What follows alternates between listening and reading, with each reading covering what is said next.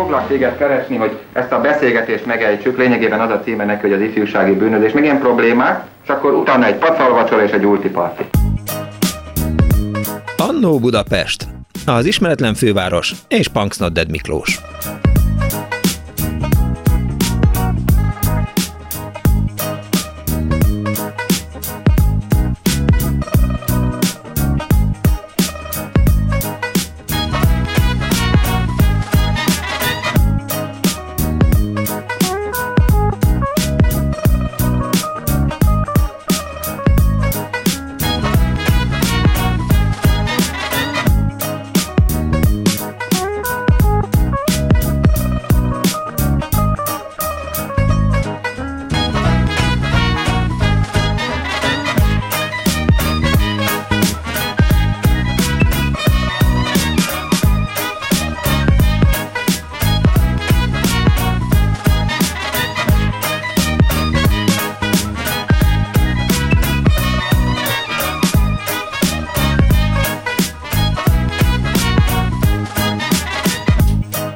Kellemes vasárnap délután kívánok, kedves hallgatók! Ez itt a Klubrádió benne az Annó Budapest az önök alázatos narrátorával.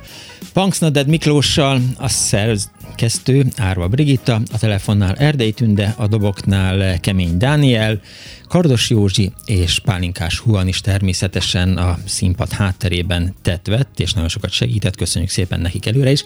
A világi fűsági találkozókkal szeretnék foglalkozni a mai műsorban. 1947-ben tartották az elsőt Prágában, 1949-ben volt Budapesten is, és aztán hosszú éveken, évtizedeken keresztül, két-három évente a világ idézővel kezdődik, haladó országaiban megrendezték a baloldalnak ezt a seregszemléjét. Általában két hétig tartott eh, a világi fiúsági találkozó, sokunk számára leginkább Timár Péter Csinibaba című filmjéből ismerős maga ez a fesztivál, amikor eh, a fiatalok kitalálják, hogy hát eh, meg kéne pattani az országból, és akkor majd a világi fiúsági találkozóra kimennek. Helsinki az nyugat, teszik fel a kérdést, nem, de hamarosan az lesz.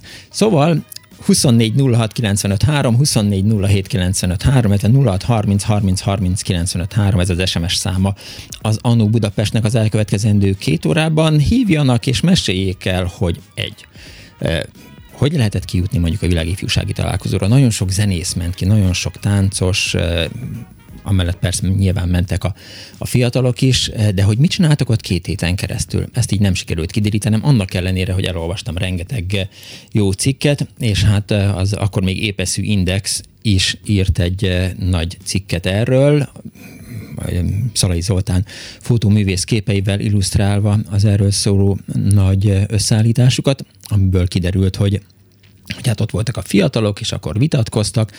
Pont a szófiai vitről számolt be egyébként Szalai Zoltán fotóriporter, a tükörnek volt a fotósa, én magam is dolgoztam vele még akkor, amikor elindult a Blick újság Magyarországon a 90-es évek elején elképesztő jó fotós volt Szalai Zoli. Szóval azt kellene kiderítenünk, hogy, hogy mi volt a kiválasztás alapja. Tényleg úgy volt, mint ahogy Timár Péter a filmjében ábrázolta, hogy hát igazából a jó fejek mehettek, és hiába volt egy, egy jó zenekar, akik akár meg is nyerhették volna a, a versenyt, azért mégiscsak egy másik zenekar ment el.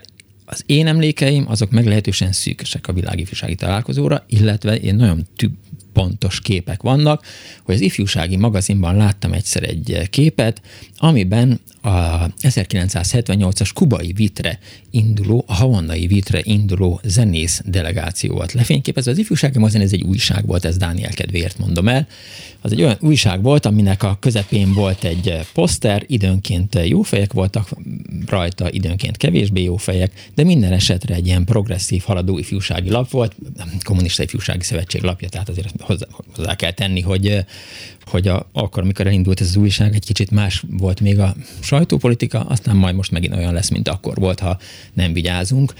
Úgyhogy, és akkor azt gondoltam, a kis punksnoddetként lapozgatva az újságot, hogy mennyire jó lehet kimenni a világi fiúsági találkozóra, de hát én természetesen akkor még kis útörő voltam, és hát a kis tagságot meg aztán hamarosan el is buktam, úgyhogy a havannai világtalálkozó az számomra, mint a mókus fenn a fán maradt, és soha nem jutottam el oda, és egyik világtalálkozóra sem, de jellemző, hogy, két-három évvel ezelőtt is volt világifjúsági találkozó. Szóval, hogy zenészek, táncosok adott esetben kisztagok kellenének, akik elmesélik e- az ehhez kapcsolódó történeteiket, két-három embert felkértünk, az egyik nem hívott bennünket vissza, a másik délőtt kikapcsolta a telefonját, úgyhogy ha valaki ismeri azt a kopasz zenészt, aki 1900 valahányban kint volt a berlini világifjúsági találkozón, szóljon neki, hogy kapcsolja be a, mobilt, mert hogy be kellene számolni erről az eseményről, hogy hogy került oda, és mit csináltak ott két héten keresztül.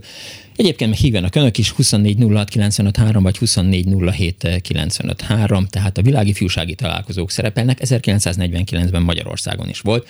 Amikor anyámmal beszélgettem erről a témáról, akkor azt mondtam, hogy valamikor 48-49-ben volt, anyám azt mondta, hogy 49-ben, és természetesen, hiszen az ember anyjának mindig igaza van. 1949-ben volt Budapesten világi fiúsági találkozó. Nyilván vannak olyan hallgatók, akik emlékeznek erre is, és mondjuk készültek rá, hiszen jött a világi fiúsága, hogy Budapesten találkozzanak és megvitassák az imperializmus elleni harcot. Szóval erről fog szólni legjobb szándékom szerint a mai Annó Budapest. Fontos hozzátenni, Dániel. Egy kedves hallgató írt, hogy kérem, ott van az legfelső SMS, aztán az összes többit kitöröljük, mert, mert nem lehet majd elolvasni a falat.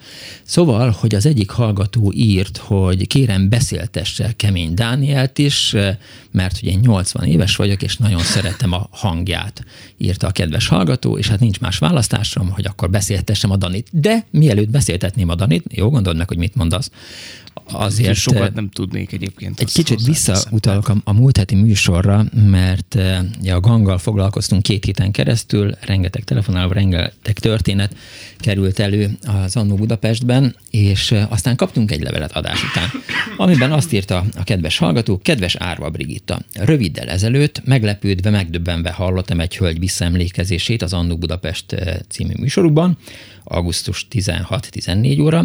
A műsor utolsó negyedében beszélt, és mondta el, hogy a Hegedűs Gyula utcában élt, zárójel, akkor még Csáki utca volt, és a harmadik emeleten egy házas pár Heine Medines kisfia miatt a lakók összefogtak, és kérték a második emeleten élő háziurat, hogy csináltasson liftet, hogy ezt a kisfiút könnyebben lehessen szállítani, ha nem, akkor felmondanak. Én 67 éves vagyok, és ez a kisfiú az édesapám volt. A történetet ismertem a családtól, majd azt is, hogy Konfeld bácsi, mérgesen, de elment egy használt szerszámtelepre, és megvásárolta a liftet, felújította, felszereltette. Konfeld bácsi szintén holokauszt túlélő volt, mint édesapám, emlékszem rá. Édesapám 92 éves lenne napjainkban. Felzaklatott, hogy köztünk él, és valaki emlékszik rá, és azokra az időkre. Óriási kérésem lenne önfelé, kedves Árva Brigitta, Árva Brigitta a szerkesztünk. Segítsen kontaktot teremteni a hölgy és közöttem, eh, leánykori nevem, la és a hölgy, ha a családot ismerte, akkor a menny lév nyilván ismerős lesz a számára telefonszámom eljut társát kérném hozzá, amelyben való fáradozását. Nagyon megköszönném önnek, várakozással és köszönettel, írta a kedves hallgató. Na, és akkor az Árva Brigitta a műsor végén ezt kirakta az Annó Budapest Facebook oldalára, ajánlom mindenkinek, hogy lájkolják, mert különben elaltatják. Szóval, hogy kirakta, és nagyon sokan megosztották ezt a felhívást, és nagyjából másfél óra vagy két órával a, a levél megírása után sikerült kapcsolatot teremteni a két hölgy között, úgyhogy hát ilyenkor a, az Annó Budapest szerkesztői munkatársai azok fél méterrel a föld felett járnak, és azt gondolják, hogy ezért érdemes időnként rádióműsort csinálni. Vasárnap délután, amikor mindenki más alszik, pihen, strandon van, nem tudom, észrevetted, Dániel, hogy, hogy vasárnap délutánok azok a pillanatok, amikor mindig elkezd esni az eső. Tehát az elmúlt három-négy hétben... Most mondjuk nem esik az eső. Na jó, de hát miért? Múlt héten sem esett, amikor elkezdődött a műsor, és aztán a végére megszakadt. Ebben igazad van. De, de hétköznap is szokott esni az eső. Úgyhogy még egyszer elmondjuk a témáinkat, és aztán majd elkezdem a Dánielt beszélgetni, beszéltetni. 24 06 95 3, 24 07 95 3, világi fiúsági találkozó. Lehet, hogy a világi fiúsága talál már nem is él, és akkor most mit fogunk csinálni? Tehát senki nem lesz, aki azt mondja, hogy hát én ott, ott voltam. Egyébként azt néztem, hogy 2017-ben is volt még ilyen találkozó. Ezt mondom, Tehát, hogy, igen. hogy az nem volt olyan nagyon rég. Nem, Biztos, jó. hogy emberek emlékeznek még akár arra is. 2017-re? Hát, 2017-ben Szocsiban volt, és 25.214-en vettek részt rajta. és Képzelni. hány országból érkeztek oda delegáltak? Ez egy nagyon jó kérdés. 185, hogyha az interneten igazat mondanak. Igen, a Wikipedia általában igazat mond, komoly viták folynak arról, hogy kétszer kettő az most négy vagy öt, de általában a, a négy szokott a, a helyes álláspont lenni. 1947-ben Prágában, Csehszlovákiában tartották ezt a ö, világifjúsági találkozót, ahol 17 ezer fiatal volt ott, és 71 országból érkeztek, és a Wikipédia az minden világi fűsági találkozónál eh, előhalázta a fontos jelszavait ennek a találkozónak. 1947-ben Prágában az volt, hogy a nemzetközi barátsággal és az újjáépítéssel az ifjúság eh, a békét építi. Ez tök jól hangzik. Aztán, amikor 1949-ben Magyarországra jött eh, ez a rendezvény, és 20 ezer fiatal jött eh, 82 országból, akkor a jelszó az az volt, fiatalok, egyesüljetek, előre a tartós békéért, a demokráciáért, a népek nemzeti függetlenségéért és egy jobb jövőért. Hát egy kicsit ezért túlírtuk. Hát azért, igen, tehát mi magyarok hajlamosak vagyunk arra, hogy hogy miközben mindenki más három szóban kifejezi a jelszót, mi azért kiegészítjük, és a, jól telírjuk a dolgot, hiszen azt lehet hosszú transzparensen vinni, amikor az ember vonul a hősök terén, akkor ha egymás mellett áll száz fiatal, akkor pont kifér talán ez a felirat, vagy mondjuk két sorba is lehet írni. Aztán jött 1951-ben Kelet-Berlin, NDK, 26 ezer vendéggel és 104 országból, és nyugodtan megfogalmazták a jelszót békéért és barátságért a nukleáris fegyverek ellen. Ez egy nagyon fontos dolog, mert amikor megnézed a Wikipédiát, akkor azt látod, hogy hogy ez, tehát a baloldali fiatalok találkozója volt, egy antiimperialista, antiimperialista, nehéz szó, majd sikerül gyakorolni. Szóval egy útelágazás. Igen, igen, igen, nagyjából olyan, mint az útelágazódás. Szóval, hogy ilyen antiimperialista fesztiválok voltak ezek, és általában a, a fegyverkezés ellen szóltak, de hát miképp azért a kelet-európai békemozgalmak, azért itt is leginkább az amerikai fegyverekkel és az amerikai atomfegyverekkel volt baj, nem az oroszokkal, zárójel szovjetekkel. Szóval világi fűsági találkozó az Annó Budapestben egészen 4 óráig 24 06 95 3, 24 07 95 3, írhatnak SMS-t is, ha Dánielt akarják hallgatni, akkor odadom neki a paksamétámat, de addig beszélgetek egy hallgatóval. Jó napot kívánok! Jó napot kívánok, Lórán Gergely vagyok. Üdv! És üdvözöllek titeket, hogyha szabad tegeződni. Megtisztel, hello Gergely! Sziasztok! Uh, igazából azért ragadtam telefont, mert itt 2017-et emlegettétek, de 2009-ben, ezt azért tudom, akkor volt a diplomaosztom uh, éve, és fel kellett jönnöm Budapestre Zánkáról, akkor Magyarország szervezte az úgynevezett Jussi fesztivált, ez a baloldali világifűsági találkozó volt, mm-hmm. és a teljes zánkai tábort uh, több százan, vagy akár talán ezres nagyságrendben is ellették tényleg Ausztráliától kezdve Dél-Amerikán át, Észak-Amerika, világ minden pontjáról voltak ott, mm-hmm. úgyhogy a fatahos srác a palesztin zászlóval és a izraeli zászlós srác együtt táncoltunk, meg énekeltünk, és a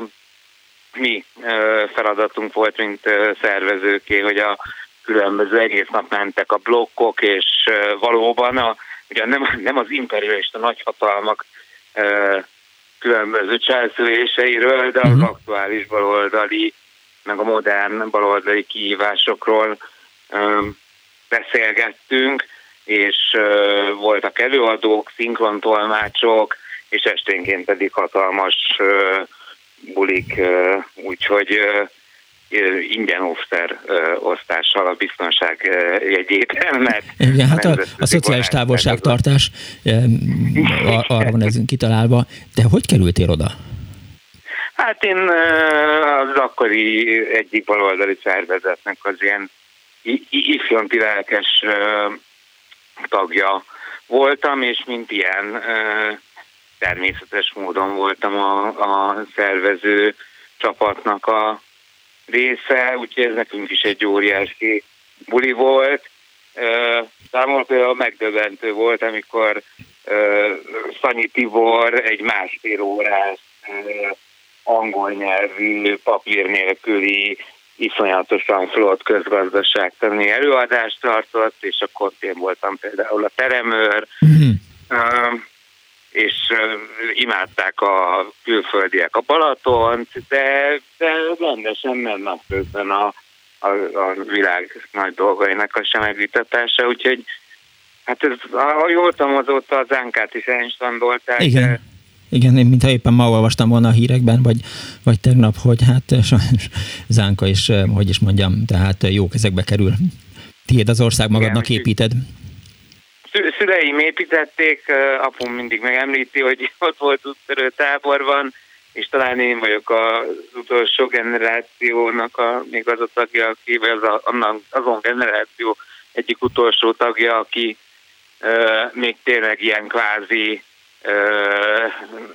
tömegtábori minőségében élvezhettem a, a világifjúsági találkozót, minden este koncertek voltak, és tényleg a balkáni zenétől a, a magyar zenekarokig, ugyanúgy a zenészek is a világ mhm. különböző pontjairól jöttek. Szóval nagy buli volt, és, és tökre örülök, hogy 36 éves vagyok, hogy végre az Annó Budapestnek egy olyan témája volt, amihez esetleg egy kicsit hozzá tudtam adni. Úgyhogy, Nagyon jó, hogy telefonáltál, Gergely. Annyi, annyival zárom is, hogy de ha jól tudom, akkor szóval, hogy ez egy élő dolog. Tehát a, Igen. a különböző baloldali mozgalmak azok talán két vagy három évente, de ö, megrendezik. Hát nem most meglátjuk, hogy a Covid világában hogy fog kinézni, de igen.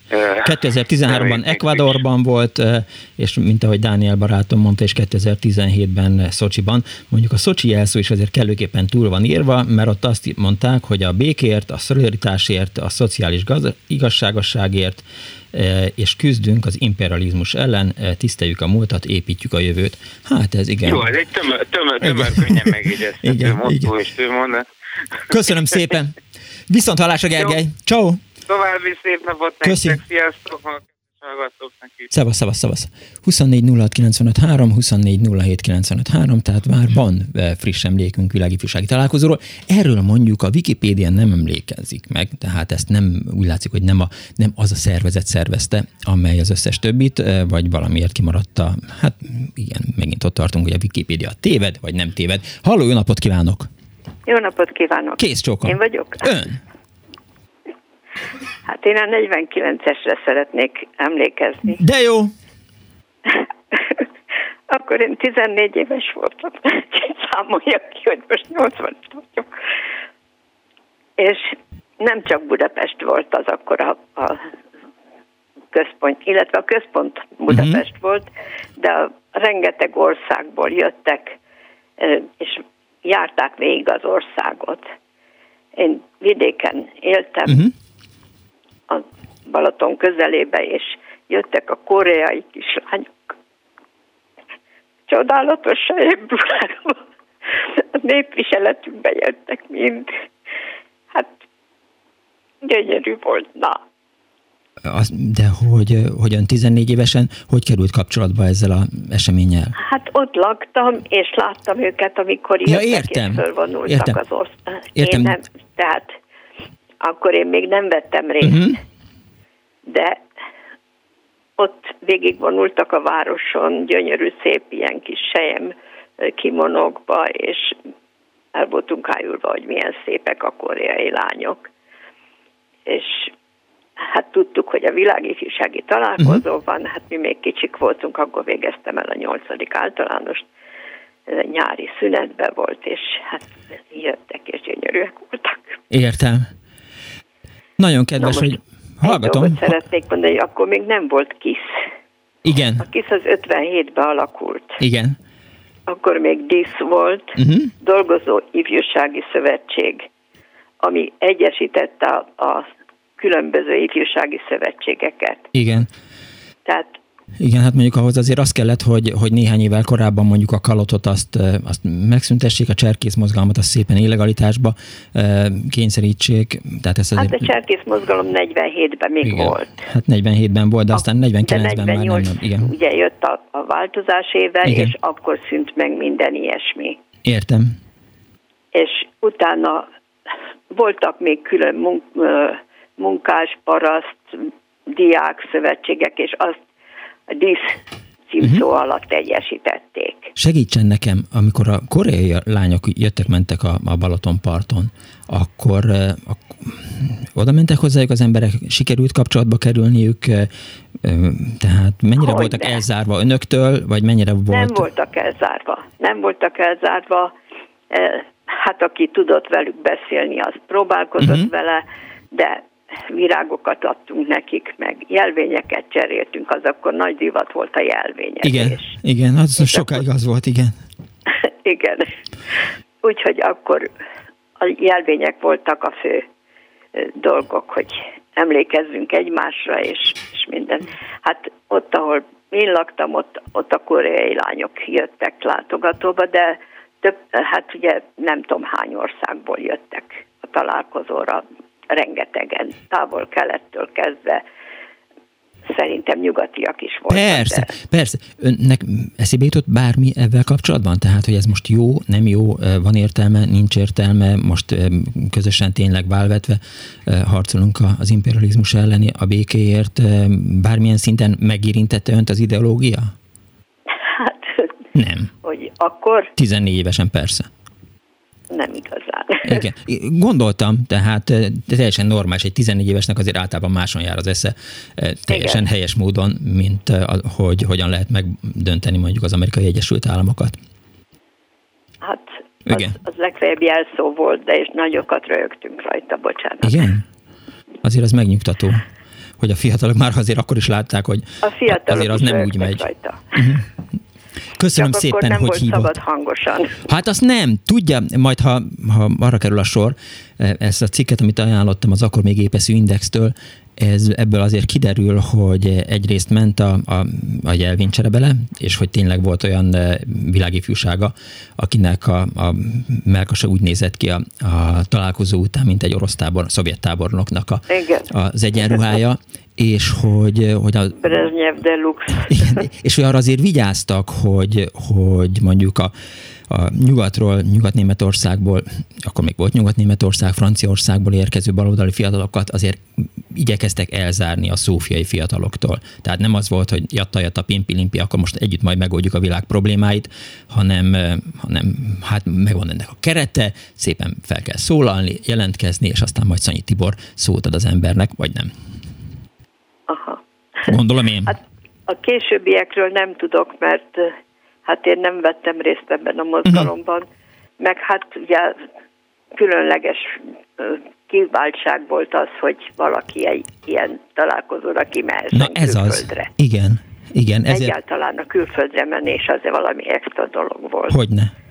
Még Úgyhogy hosszú, hosszú évekig Igen. nem mentünk. Nem, nem hát csak, én, csak jöttek ide. Ha jól emlékszem, 70-ben mentem először külföldre. De örülök, hogy jó egészségben van, és hogy tetszett emlékezni. Köszönöm. Kész csokon, viszont hallásra, jó egészséget viszont, kívánok. Viszont hallásra, viszont kívánom. 24 06 95 3, 24 07 95 3, 06 30 30 30 95 3. A világi fűsága most nem Helsinkiben, hanem a Klubrádió Annó című műsorban találkozik. Halló!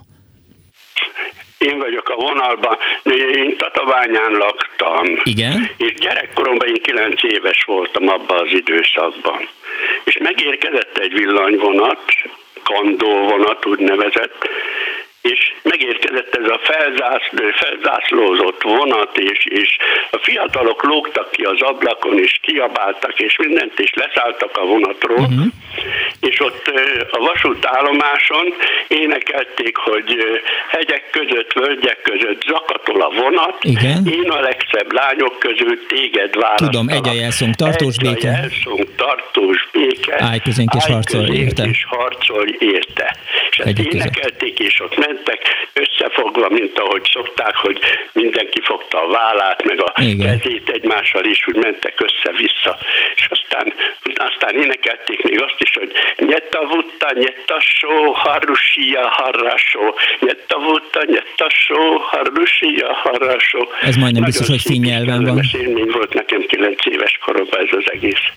De ez oroszul énekeltek, ugye? Oroszul is énekelték, meg, meg magyarul is énekelték ezt a, ezt a állj közénk és harcolj azt, azt igen, és az ilyen ötágú, ilyen virágos falevélnek öt ága volt, és abba öt nemzött világ résznek a jelvények is piktogramos jelvénye volt uh-huh. benne, és azt hiszem három, egy, egy néger, egy, egy kínai, vagy, vagy mit tudom én, vietnámi, vagy akármilyen származású, és egy európai embernek az arcképe volt rajta, egy ilyen kis jelvényt, ezt, ezt osztott. Igen, igen, ezt nagyon, nagyon fontos dolgot. Kellemes élmény volt ez nekem gyerekkoromban. Ja, ja, Akkor, hát ugye a háború után, kilenc évesen azért hát eléggé megcsapó érzés volt. Ennyit szerettem volna csak mondani. Köszönöm szépen. Nagyon kedves, köszönöm szépen. Viszont hallásra. És a, a, az úr egy nagyon fontos szempontot hozott be, hogy, hogy, hogy hogyan ábrázolták a nemzetköziséget, és ahogy mesélte ezt a történetet, jutott eszembe, hogy valóban voltak olyan jelvények, meg olyan logók is, amin egy, egy barna, egy sárga és egy fehér kéz fogja egymást, és akkor ezzel gyakorlatilag a világi fiúságát mutatták be. Halló, jó napot kívánok! Halló, hall engem? Igen, jó napot kívánok! Halló? Jól hallom. Kész csók.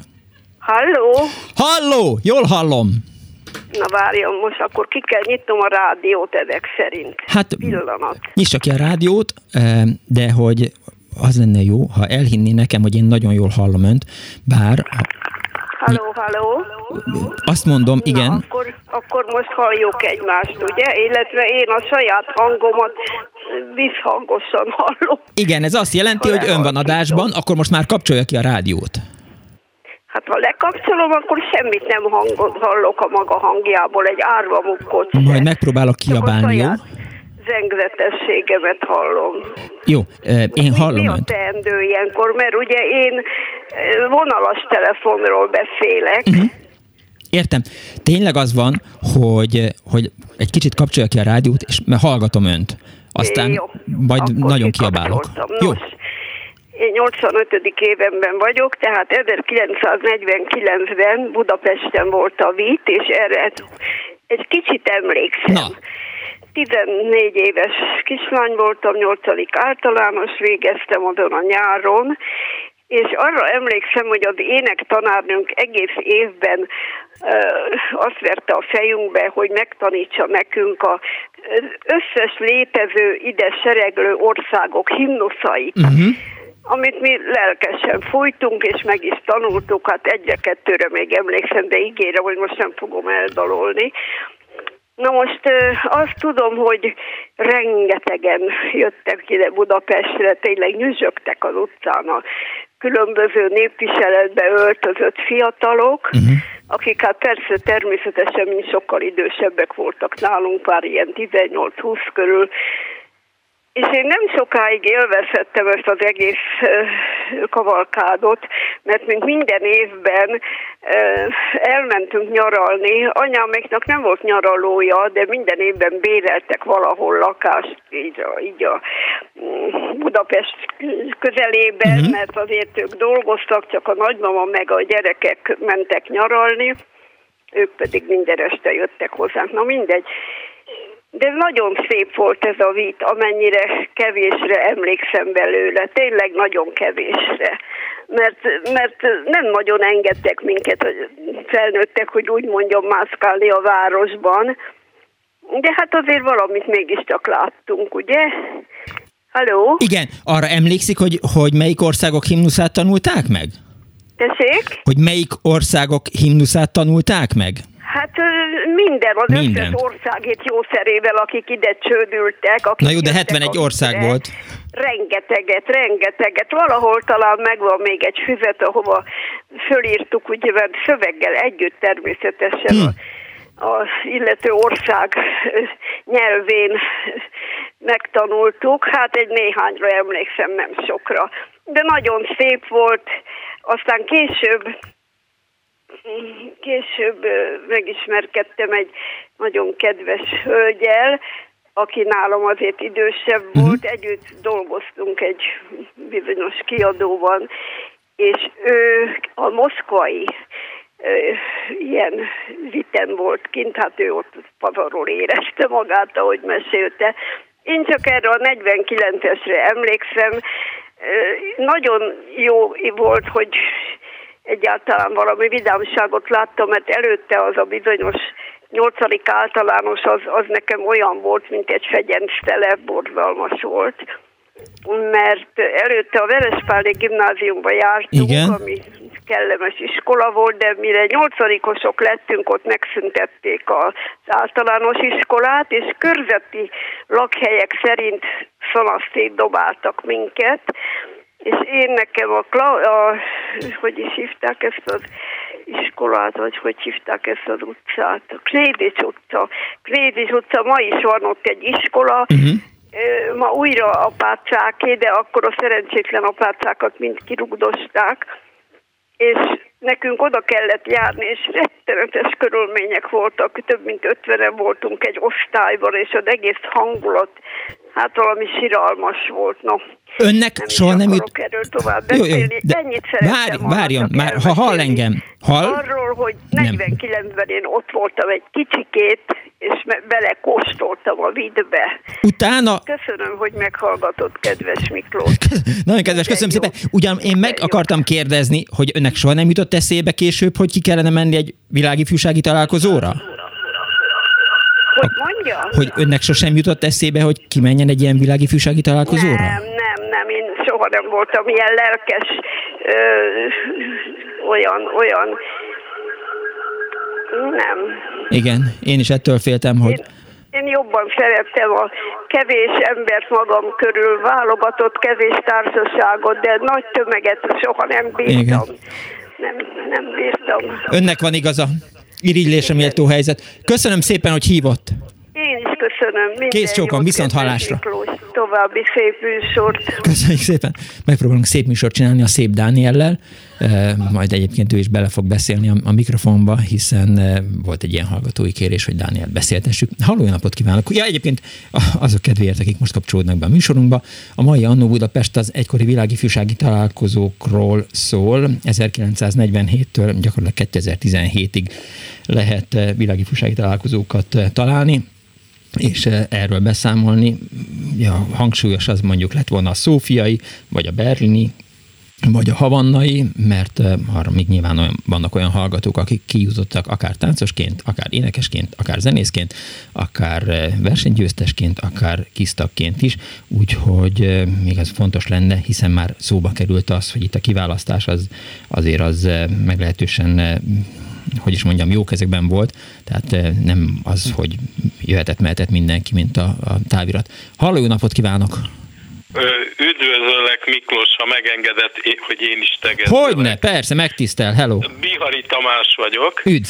És kérlek szépen, hát én egyik kategóriába se tartozom, mert egyrészt nem voltam kisztak, Aha. másrészt meg nem hivatalos küldöttként mentem ki drága gimnáziumi barátommal, Misi barátommal, és politikailag annyira éretlenek voltunk, hogy mi elsősorban csajozni szerettünk volna a berlini Vitten 73-ba 20 évesen, és eh, hát a NDK centrumba mentünk be, hogy hát hogy jutunk mi ki, Aha. mint a féle partizánok, ahol közölték, hogy hát a féle partizánokként sehogy, mert ottan minket be se fognak engedni az országba, mert oda csak hivatalosan lehet. Uh-huh.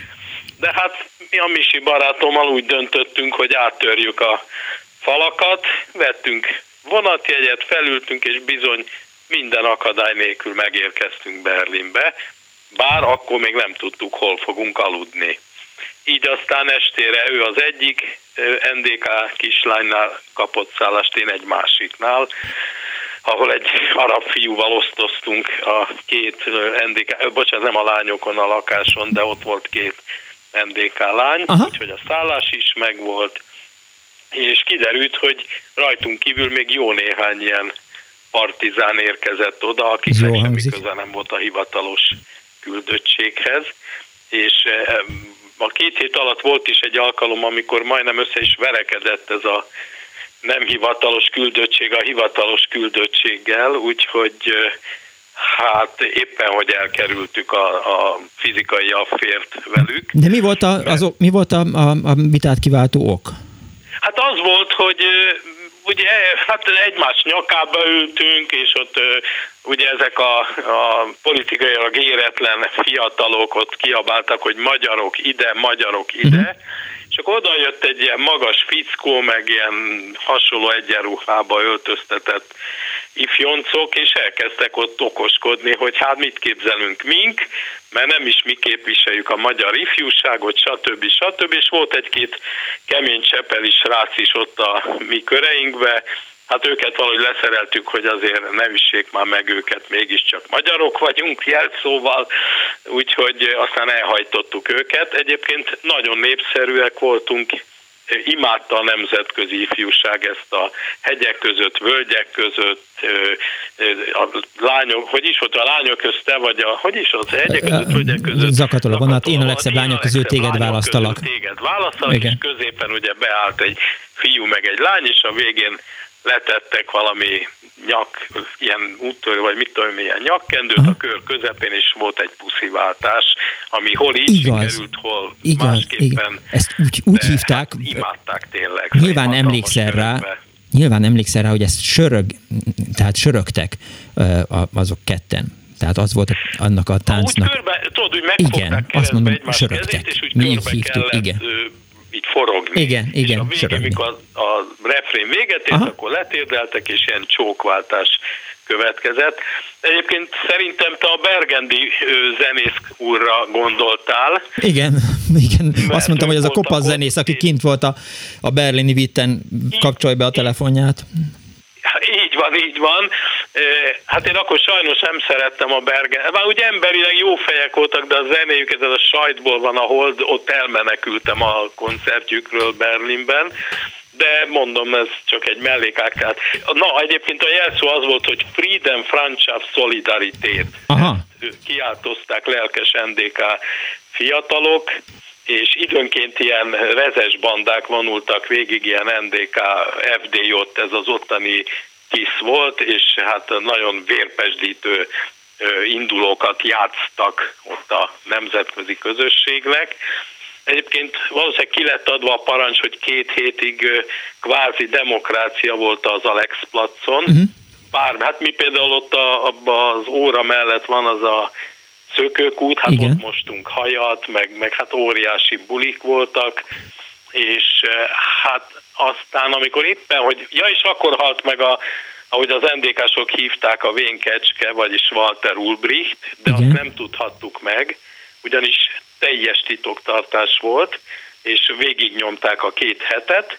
Na most aznap, ahogy vége lett a, a vitnek, akkor ugye mentünk lazán, hogy na, egy jót zuhanyzunk, hogy úgy mondjam, abba a szökőkútba, NDK-sok, stb. minden.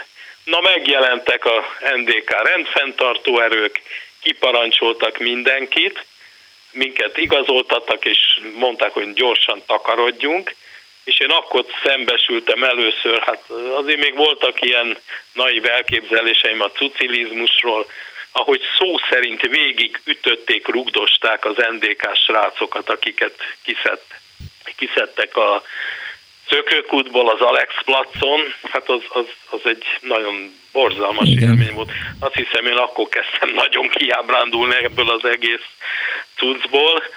De téged bármilyen szinten eh, érdekelt az, hogy, hogy a baloldali eh, fiatalok miről vitatkoznak, vagy igazából csak egy szigetfesztivál volt Kelet-Berlin, hát, és eh, lehetett bulizni? Számunk, megmondom őszintén, mi ott a Misi barátommal azt se igen tudtuk, hogy ez egy baloldali akármi, csak uh-huh. azt néztük, hogy baromi sok jó csaj volt. Ja, ja, ja. Hát például nagyon helyesek voltak, és ez egy kicsit a szomorúbb része a dolognak, ezek a csillei lányok, és nekik is valamilyen egyenruhájuk volt, ilyen pepita-szerű egyenruha, és akkor még nem tudtuk, és szegények ők sem tudták, hogy néhány hét múlva hát gondolom, hogy volt köztük olyan is, aki már nem élt, mondjuk Igen. szeptember Aha. 11-e után, ha jól emlékszem, akkor volt a, a Pinochet pucs.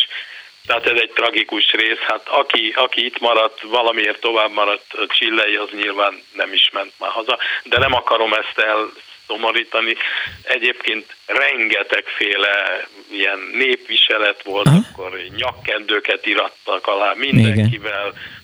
Hát megmondom őszintén, hogy olyan, ezek a nyugatiak, a fránya rohadó nyugatról jöttek, azért népszerűbbek voltak az NDK csajok közt ilyen aláírásdiba, más tekintetben viszont minket is előnyben részesítettek. Fes magyar férfiak, de ha már, szó, ha már szóba hoztad a, a keleti blokkot, meg Walter Igen. Ulbrichtot, amikor 1968-ban Szófiában volt a világifjúsági találkozó, Igen.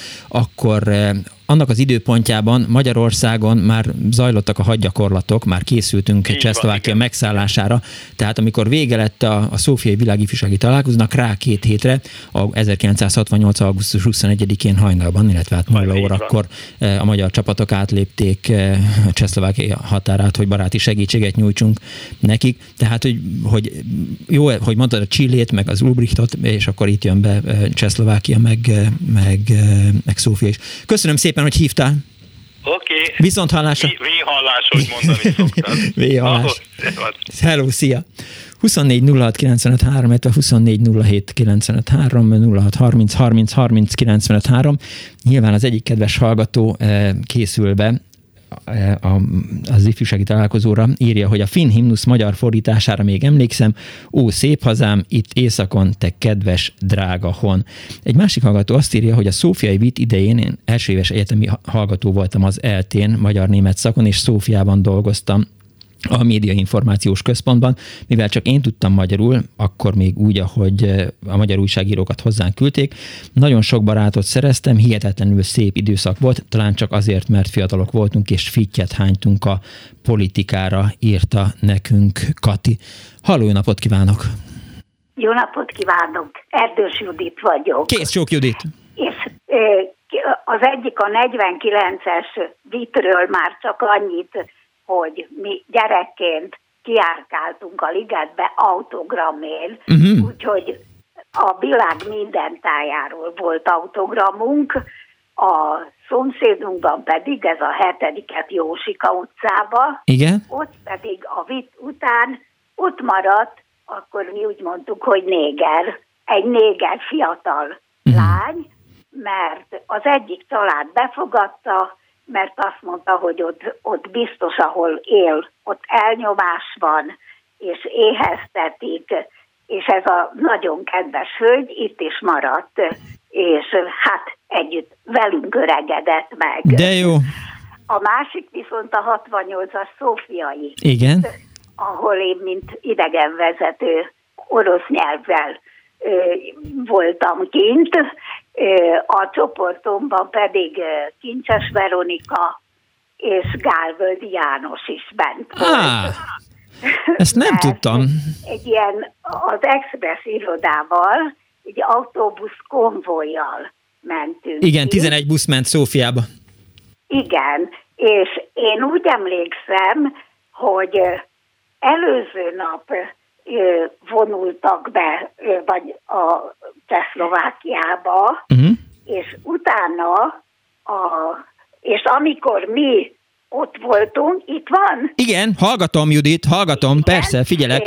Tehát amikor mi már odaértünk Szófiába, Aha. akkor a város bejáratánál már ott voltak a fiatalok, a tiltakozó fiatalok, akik a bevonulás ellen tiltakoztak. Nem a bevonulás ellen tiltakoztak, mert szerintem akkor még nem volt bevonulás, vagy legalábbis jó, majd mindjárt kiderítjük a pontos dátumot, de akkor már lehetett tudni azt, hogy hogy a szocialista országok megvitatták Csehszlovákia kérdését, mert egy találkozóra nem ment el eh, Csehszlovákia, és akkor már azért eh, lehetett tudni azt, hogy, eh, hogy a Dubcsek féle dolognak hamarosan vége lesz. Igen. És van, volt, volt is egy like egy csehszlovák fiatalember, akinek a hátán ott volt egy felirat, ezt Szalai Zoltán fotójából tudjuk, amiben azt, az volt ráírva, hogy kérdezz engem, hogy mit zajlik Prágában. Tehát, ő, tehát akkor már volt egy nemzetközi helyzet, akkor még nem Igen. lehetett tudni azt, hogy, hogy le fogjuk rohanni Csehszlovákiát, de Aha. minden este az én fejemben még úgy van, hogy, hogy előbb volt a szófiai vitt, és utána a megszállás 68. Én meg, én meg úgy emlékszem, hogy... De lehet, hogy önnek van igaza. volt, tehát, hogy akkor indultunk mi el, Aha. amikor éjjel megszállták őket, viszont a vitten, amikor odaértünk, kaptunk egy programot, és akkor lehetett jegyet kérni ilyen-olyan programokra. Uh-huh. Igen ám, de a szervezés hát hagyott magát után kívánni valókat, ezért hiába választottuk ki, hogy hova akarunk bemenni. Egy csomószor azt mondták, hogy már megtelt a terem, uh-huh. és nincs hely. Így aztán azt csináltuk, és persze a csoport nekem reklamált. Hogyne? Mert hát a tolmácsnak szoktak reklamálni. Ki másnak, persze, buszsofőrnek hiába. Hogy ide vagy oda nem engednek be.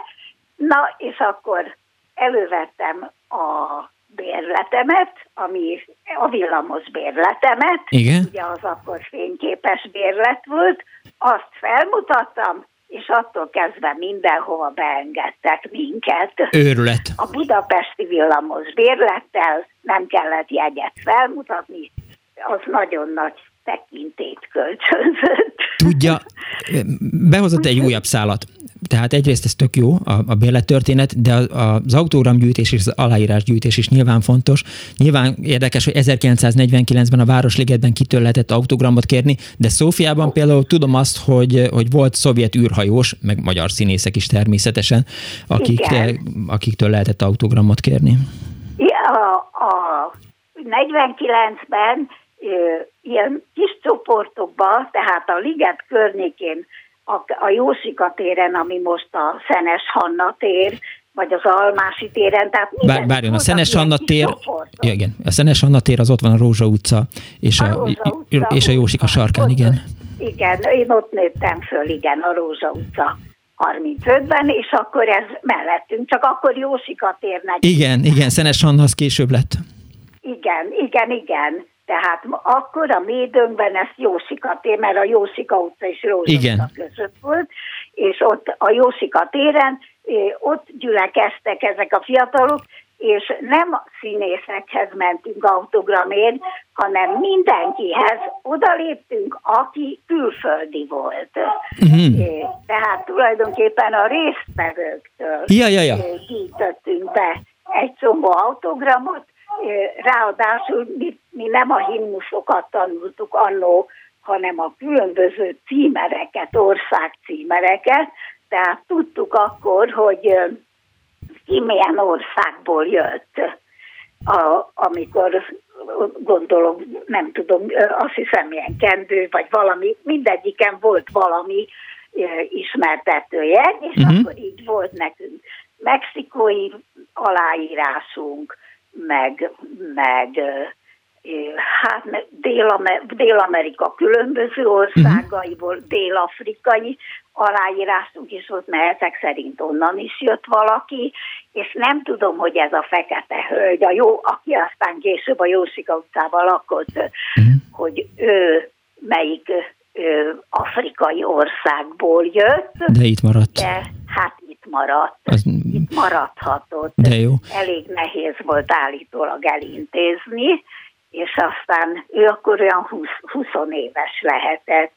A szófiai vitem viszont jelvénycsere ment, és jelvényeket gyűjtöttünk, és pontosan, ahogy már mondták a betelefonálók, úgy néztek ki némelyek, mint a tábornokok, mint szovjet tábornok. igen. A rengeteg jelvényel, igen. Judit, arra emlékszik, hogy, hogy volt egy üres telek a Rózsa utca és a Szív utca között, ahol eh, telenként eh, jégpálya volt? Nem emlékszik igen. rá? Igen, de, de, de, de, de igen, de az nem ott volt, hanem egy kicsit följebb, tehát ez a Bajza utca és a Damjanic utca sarka volt, Aha. az üres telek, a, a faszor, tehát a faszor és a Damjani utca között, ahol a református templom van, amellett volt az üres telek, és ott volt a jégpálya. És most már csak nem akarok visszakapcsolni a, a Annó Budapest, vagyis a múlt hetire, ebbe a, ez a Nyugodtan kapcsolja vissza. 35-ös ház, ez 1896-ban épült, és úgy néz ki most is, mint akkor, mert minden évben gondolom leverik róla a vakolatot, amikor kezd omladozni. Uh-huh. De a többi ház, a környék most gyönyörű és szép tiszta. Mert ráadásul ez, tehát ezen az üres telken, tehát van, egy film, ami ott forgott, egy bizonyos jelenete, amiben Halász Judit is játszik, és csak éppen tegnap futottam bele egy, egy képbe az interneten, és amikor mondta a Rózsa utcát, akkor gondoltam, hogy rákérdezek, hogy erre emlékszik erre az üres telekre. É, igen, de most ez nem a, nem a Rózsa utcai Szív utca között, ott, ott nem, ott nem volt. Ez a, hát legalábbis nem volt Értem. Ott nem volt jégpálya, de tele, üres telek lehetett. Igen. Értem. Köszönöm szépen, Judit, hogy hívott. Én is köszönöm. Kész csokom, viszont hallásra. 24 06 95 24 az Annó Budapest eh, telefonszáma. Erdély Tünde veszi fel az önök telefonjait. Ma, eh, az elkövetkezendő egy órában még a világi fűsági találkozókkal foglalkozunk. Nagyon sok dolgot megtudtunk már a Szófiai Vitről sikerült megismerni egy hallgató álláspontját a kelet-berlini vitről. Havannával kapcsolatban, mint hogyha egy kicsit hallgatnának a hallgatók. Azt írja egyébként az egyik hallgató SMS-ben, és ez fontos, ha jól tudom, a kubai vitten kint volt az illés is, ahol a nemzetközi tömeg örjöngve énekelte, hogy kár, hogy a magyar nyelvet rajtunk kívül nem érti senki. Szörényét kellene meginterjúvolni, ajánlja nekem Tibi. Hát így, Tibi, egyébként az a, az a kép, ami az ifjúsági magazinban poszter volt, azon pontosan tudom, hogy, hogy, hogy rajta volt az zenekar. Nem tudom, hogy Illés volt-e még akkor, vagy már, vagy már fonográf, mert azért engem is megcsal a, a, a világ, meg az emlékezetem. Daniel, mondjál valamit a te hangodra is kíváncsiak. Jó napot kívánok. Jó napot kívánok. Köszönjük szépen. Semmi Jó napot kívánok. Hamarosan hírek lesznek itt a Klubrádióban, utána folytatódik az Annó Budapest. Hívjanak és meséljék el, hogy hogy jutottak ki Havannába, hogy nem jutottak ki Helsinkibe, és mondd Dániel. A tartós békére jutott eszembe. Eléneklem neked. De nem, nem, nem, az van egy viccem ezzel kapcsolatban, hogy miért könnyű feltörni az összes úttörőnek a Facebookját. Hát mert egy a jelszó tartós béke.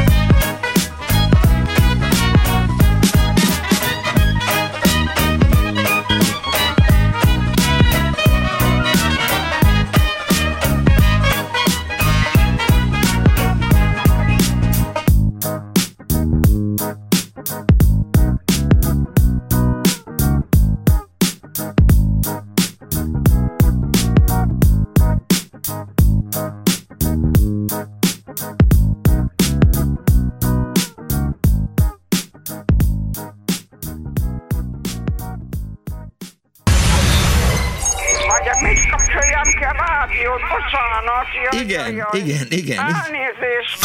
Jó napot kívánok! Mert ez a kis éppen olyan jó, és éppen azt teszi, amit kell.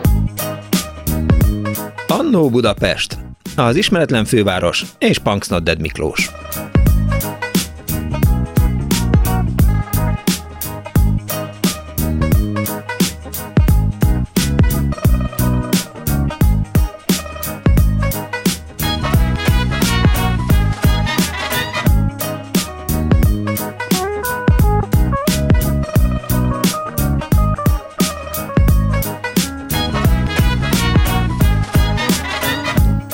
Napot kívánok a most ébredő kedves hallgatóknak. Ez itt a Klubrádió benne az Annó Budapest az önök alázatos narrátorával.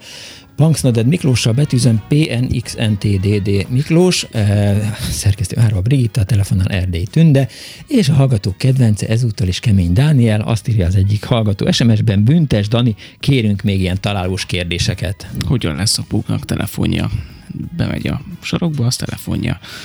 Értem. A... Jó, hát akkor... Ígérem, hogy nem szereplek többet a mai műsorban. Nem, nem, nem, semmiféleképp ne ígérd meg, mert csak vicceket nem mondjál, azzal már is bejebb leszünk, de ha ilyeneket mondasz, hogy mit tudom én, halló, meg valami, akkor, akkor már jó is lesz. Senki nem tudja úgy mondani azt, hogy halló, mint, mint te. Mi, de, jó, én, akkor... én, nem, én valahogy nem. Figyelj, Dániel, úgyis te szorulsz mindig, mert a kedves hallgató nem hall bennünket, nekem kiabálnom kell, aztán jönnek, hogy ideges vagyok, holott nem vagyok ideges, csak az emelt hang az nyilván azt jelzi, hogy ideges vagyok. Szóval azoknak, akik most kapcsolódnak be a Klubrádió műsorába, eláruljuk. vagy? Nem, de ha még egy szót szólsz, akkor nagyon az leszek, és kizavarlak a stúdióval, vagy én megyek ki. Szóval, hogy ma a világifjúsági találkozókkal foglalkozunk. Hallottunk már beszámolót eh, Kelet-Berlinből, Szófiából, 1949-es Budapestiről, eh, volt egy zánka is, ami hát szerintem ilyen illegál volt. Hát nyilván a bal oldal az pillanatnyilag illegálban nyomja a világifjúsági találkozókat, de minden esetre eh, arra biztatom önöket, hogy hívjanak és meséljék el a világifjúsági találkozókhoz kapcsolódó történeteiket, hogy kerültek oda, hogy nem kerültek oda, és hogy Helsinki nyugate. 24 06 95 3, illetve 24 07 95 3, és SMS-ben lehet büntető számot kérni Dánieltől a 06 30 30 30 30 95 3-on. Halló, napot kívánok! Jó napot kívánok, Kárász Anna vagyok. Kész csak Anna. Más tollaival fogok ékeskedni, mert nem saját sztorit szeretnék elmesélni, ha lehet. Hogyne? Az egyik az apukám sztoria, aki a régi budapesti viten volt, francia tolmács, akkor már nagyon jól beszélt franciául, uh-huh. és a francia gyarmatokról érkezett, tehát egyebek között nagyon fekete bőrű is, tehát hogy ilyenek is voltak, fiataloknak volt a tolmácsa, és a sztoria az, hogy hát ment a kis csoportjával ugye Budapesten, ahol, ahol több helyen ugye összeverődtek a fiatalok, beszédbe legyettek, stb. És ők álltak a kis körben, beszélgettek meg minden, amikor a szemes sarkából azt veszi észre, hogy az egyik magyar lány, aki a nagyon fekete-fekete bőrű srác mellett állt, titokban megnyalja az ujját, és végighúzza a fekete srác arcán, és utána megnézi.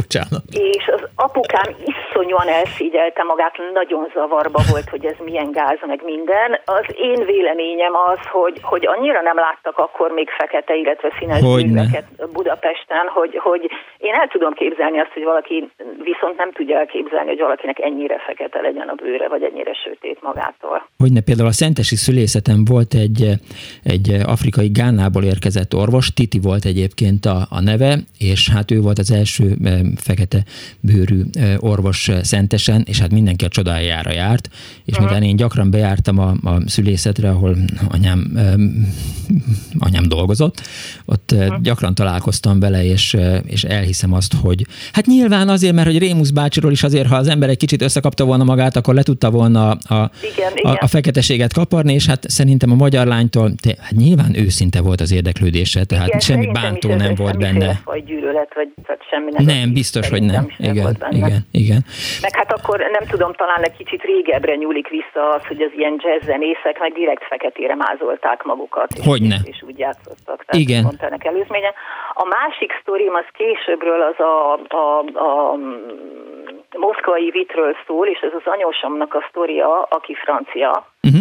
Tehát ő Franciaországból uh, ment ki, és az ő sztoria az a, a, a, hogy is mondjam, a kultúrák ütközése, vagy hogy nevezhetném.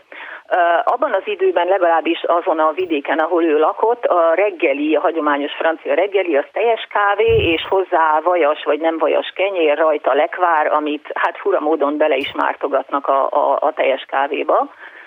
Na most hát ő lement reggelizni a szállodába, és látott egy kis tálkában ilyen piros bogyókat, uh-huh amiket nagy lelkesen rákent a vajas kenyérére, azt gondolván, hogy valamilyen piros erdei bogyóból készült lekvár, belemártotta a teljes kávéjába, majd beleharapott, és én nem emlékszem már a sztorira, hogy ki köpte vagy, vagy, vagy ő egy, egy udvarias ember lévén nem köpte ki. Tudnélik, az ilyen piros kaviár, tehát halikra volt. Igen, sejtettem, hogy ez lesz a, a történet vége. Lekvárt vár, és, és helyette sós halízű ízé van a szájában, az szerintem egy nagy meglepetés lehetett. Azt el is tudom képzelni. Arról nem beszélt véletlenül az édesapja, hogy, hogy azokat, akiket ide küldtek, vagy ide érkeztek mondjuk a Afrikából, vagy valamelyik fejlődő országból Magyarországra, azok tudták, hogy hol vannak, mi a helyzet, vagy hogy kerültek ide. Tehát, hogy nyilván kellene egy másik országban is tartanom egy annó, mit tudom én, Zaírt, és akkor, akkor ezt így ki tudnám deríteni, de, de így lehet, nem, hogy nem. sajnos erről, erről nem mesélt, de az első adandó alkalommal én meg fogom kérdezni. Értem. Nagyon hogy, szépen hogy köszönöm, hogy elmesélte. Kész sok, Anna. Én is köszönöm. Viszont hallásra. 24 06 953, 24 07 953. Halló, jó napot kívánok! Jó napot kívánok! Miklós Gál József vagyok. Üdv. Elnézést, két vittes élményt szeretnék elmondani. Az egyik az nagyon korai, a 49-es Budapesti Vitnél. Volt egy sztár vendég, Na. Paul Robson, Aha. aki a Zeneakadémián énekelte akkor a világslágernek számító Zúga folyó benjóre, meg oly búsandalolnak a négerek. Egyébként ő akkor hát kimondottan a baloldali mozgalmak vonalán mozgott, és hát későbbi, ha úgy tetszik, utódja a politikába, hogy ön is tudja, hogy körülbelül hova tegye Paul Robson az Angela Davis. Igen, igen, igen, igen, igen. Meg Dean Reed. De e, e, erre, erre határozottan emlékszem még a budapesti vitről. Uh-huh meg hát, hogy azt a színes bőrűt én is akkor láttam életemben először. A másik, amiről szeretnék szólni, ez a szófiai vit. Igen. A szófiai vittre én hivatalosan kim voltam, dolgoztam idézélbe téve, tudnék, az történt, hogy a szófiai vitre a magyar delegációt 22 magyar Ikarus busszal uh-huh, én 11 tudtam. Express utazási iroda utazta. Aha és oly módon utaztatta, hogy két váltásba történt, tehát az, az első váltás, aki a megnyitóra ment ki a magyar delegáció, a, a 22 busszal, az Belgrádon keresztül ment Szófiába, Igen. és a, a a második delegáció, az, a, ez vonattal jött haza fél úton, fél időben, uh-huh. és akkor a másik fele vonattal jött ki, és akkor a busszal jöttünk haza. Értem. Na most úgy, hogy én mind a kettővel kim voltam, hát nekem ebből az egész szófiai vidből két olyan élményem maradt, az egyik ez ebből a 22 buszból adódott. Ezzel a 22 busszal sikerült teljes káoszt okoznunk Szófiába. Hogyne. Tudnék, Szófiában ezt megelőzően, mielőtt a vittet rendezték, nem voltak útjelző táblák. Mm, igen, létező technika. Gyakorlatilag a vízre való felkészülés során derült az ki, hogy szóval itt közlekedni kéne valahogy. Kéne Szófiába a közlekedést egyéb, és ezért meglehetősen dekoratív módon feldekorálták a város útjelző táblákkal. Amit nem ismert senki? Ki, mintha. Igen. Na most ebből kifolyólag volt olyan utca, amelyeken ki volt rakva, hogy behajtani tilos, meg 30 kilométeres tábla is volt, meg az, hogy egy irányú utca, és önmagában egyébként egy lépcső volt. Igen. És ehhez hasonló, most ezek aztán olyan jelenetek voltak, hogy amikor olyan tömegrendezvények voltak, mint például a megnyitó ünnepség, vagy a zárőnnepség a Leszki stadionban, akkor ugye azok a delegációk, akik oda busszal érkeztek, meg kocsik, meg egyebek, olyan káosz volt, hogy konkrét emlékszem, hogy az egyik esti rendezvény a Leszki stadion előtt egy ilyen körforgalom van, egy hatalmas nagy körforgalom, és a rend, rendőr már nem bírta a, a közönséggel, hogy mit csináljon, és végül a sofőrök irányították a forgalmat. Az igen. Mert a, hát a rendőrök udvariasak próbáltak lenni, és mondjuk egy-egy felszabadult volt a hangulat az egész vita alatt. Na ezen a vitten vettek részt a magyar oldalról a kimit tud, akkori kimit tud győztes Gálvölgyi János, Kincses Veronika, Tolcsvai Trió, Aha tehát ő, ő, ők, ők voltak kint ugye a hivatalos magyar delegáció tagjaként, hiszen ez volt a, a ki tud versenynek az egyik díja, ja, hogy igen. részt vehettek a, a vitten. Uh-huh. És Hát még uh, szintén a Szófiai vitre visszaemlékezve itt egy hölgy mondta, szóval nem, nem, az, nem egészen úgy volt nála valóban úgy látszik összekeveredett a csehszlovákiai bevonulás és a Vit, igen. a Vit időpontja. A bevonulás késő volt, de az volt a feltűnő, hogy már a megnyitó ünnepségen is két csehszlovák delegáció vonult fel. Na, felvonult egyszer a hivatalos csehszlovák delegáció, és utána fölvonultak a szabad cseh fiatalok. Az igen. És akkor ők, ők külön vonultak, és szóval már mindenki tudta, hogy, hogy körülbelül miről van szó. Tehát, hogy mondjam, ez úgy akkor valóban lógott a levegőbe, és ez sajátos volt, mert ezek a szabadse fiatalok, ezek ilyen utánfutós matánautókkal, meg egyebekkel érkeztek Szófiába. Ja, még egy, még egy érdekesség, no. ez nem egészen a szófiai videhez kapcsolódik, hogy ugye amikor kifelé mentünk Szófiába, Belgrádon keresztül, éjszakáztunk. Aha diákszállókba, de előtte ugye ahogy kiléptünk ide, akkori ugye 68-ban tartunk, a Szabadföldre léptünk Szabadkán, rögtön mindenki a csencsölt száz dinárját, ugye az pillanat, pillanatok alatt elvásárolta, és határozottan emlékszem, hogy ja, és akkor ott lehetett nagyon jó áron váltani forintot dinárra. Egy-kettő. Mert a, a, tehát nem hivatalos árfolyamot, hanem ötszörös áron, tehát hihetetlen kedvező áron. Csak azt tudom, hogy én például 100 dollárból vettem egy Cézár konyakot, Igen. egy kiló banánt és egy nagy tábla csokoládét. Jó, most hogy nem minősítsem ez, ezt. Mind, mind kijött ebből, és akkor ez forintba meg mint szintén nem sokkal többe került, és hát hagyd be mondjam, hogy rögtön ez volt az elfoglaltsága a magyar fiataloknak, hogy de, de már föltankoltunk Belgrád előtt egyébként maga az egész itt rendezvény az hihetetlen jó volt, hangulatos volt, uh-huh. kedves volt, mint minden ilyen vita, ahol, ahol fiatalok egy kupacban vannak, ott, ott, mindig, ott mindig csak boldogság lett, és még egy valamit Miklós, ha elmondhatok, mert Hogyne. itt egy úr említette a budapesti vittet Igen. és az akatolást. Igen. Hát annak az akatolásnak azért volt egy alternatív nótája is, amit, amit azért úgy látszik, hogy mégse vitt el mindenkit a lefüggönyzött pobjeda, mert volt egy olyan is, hogy ugye hegyek között, hölgyek között zakatol a vonat, mérgesek az utasok és tépik a hajukat, hajrá kopasz, ne hagyd magad, mert kitépik a hajadat. És akkor ezzel folytatódott. Erre zakatoltak, és hát volt egy kis áthallás a hajrá kopaszban. Különösen, igen, igen, 1949-ről beszélünk. Fel is hívta igen, az egyik hallgató igen. a figyelmemet arra, hogy ha, ha már... Mindenki tudta, hogy kire gondol, amikor a hajrá kopaszt mondta. Igen, ezt én is tudtam, de az azt hittem, hogy ez a bakterokról szól, de hát én jóval később ne, kerültem ebben. Nem felvonulásokon, ezután én még a május egyik felvonulásokon a zakatolásoknál hallottam. Uh-huh, értem. Kösz... Hát, így maradhatott meg az én fejembe is, mert hát azért még akkor kisgyerek voltam. Ja, ja, ja, ja. Köszönöm szépen, hogy elmesélted ezt. Kérem szépen, minden jó. Viszont hallásra, szia!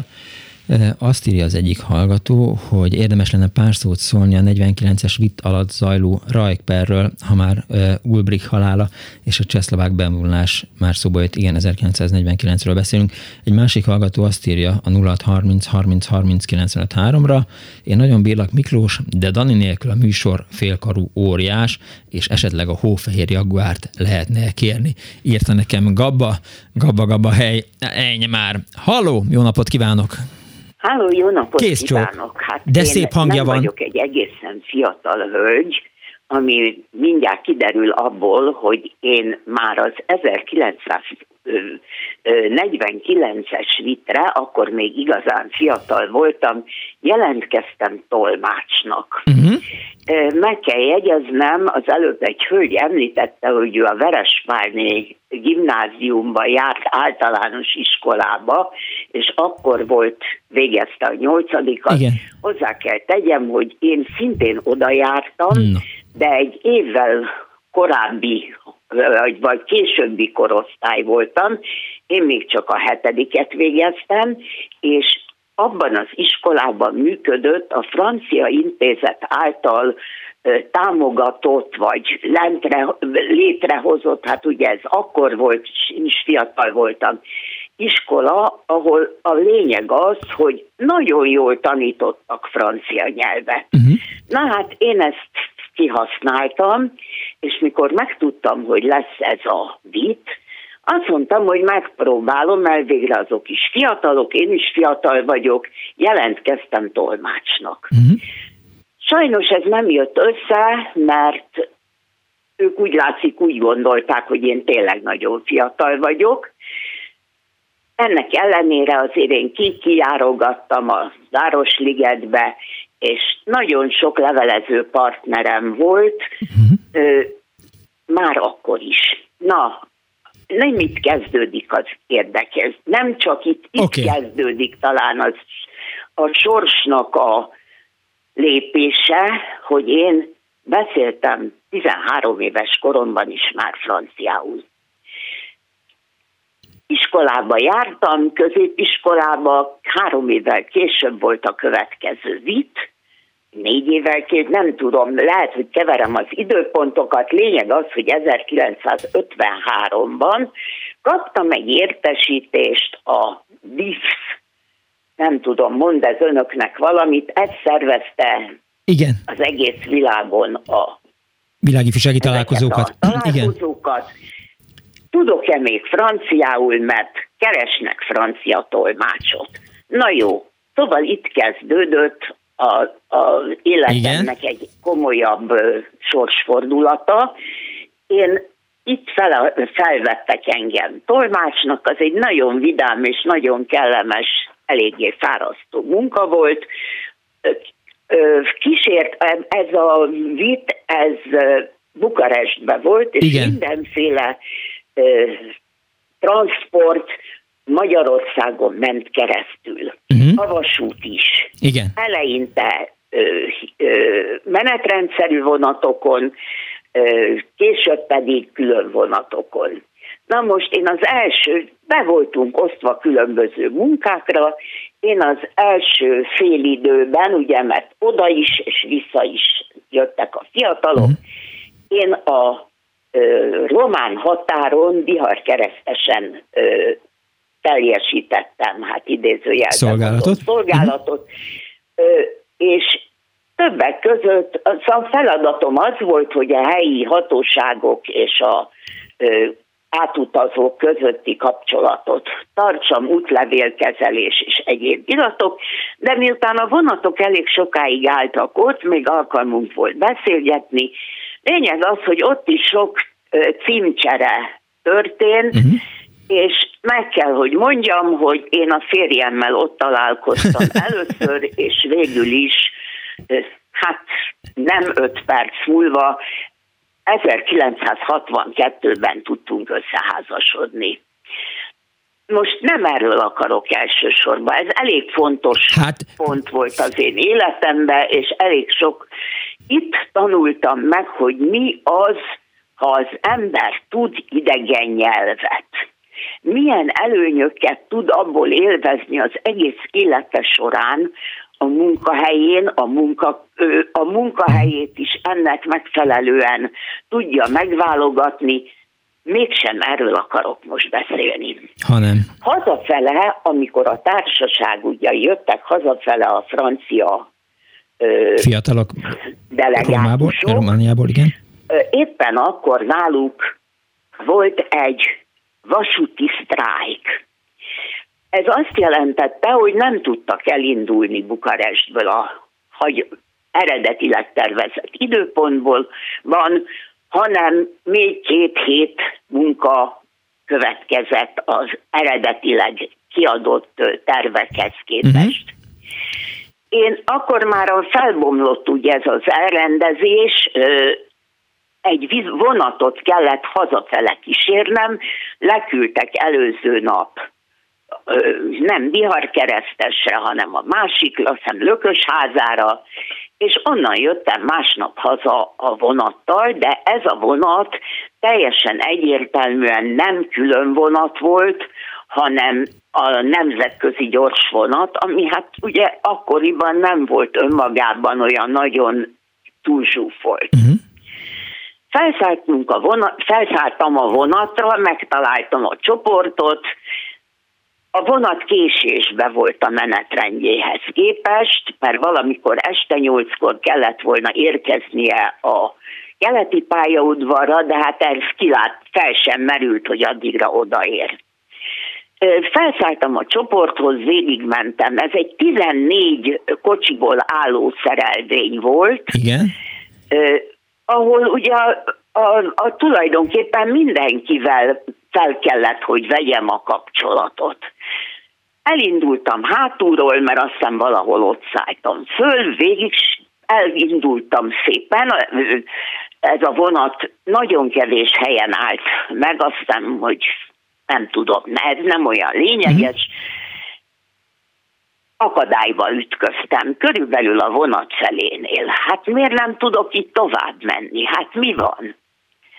Előkerült a kalauz, és a kalauz közölte, hogy le van zárva az átjárás, mert a középső, pontosan a vonat közepén beiktattak egy, egy, hogy hívják, állókocsit. Igen. Amin francia diplomaták utaznak, és hát bizony arra nem lehet átmenni, gyerekek is vannak, késő van, éjszaka van. Aludjanak. Nem megy. Igen? Hát mondom, ilyen nincs. Nekem ezen a vonaton át kell jutnom. Ehhez még említenem kell, amit ugyan ki tudtak esetleg számolni.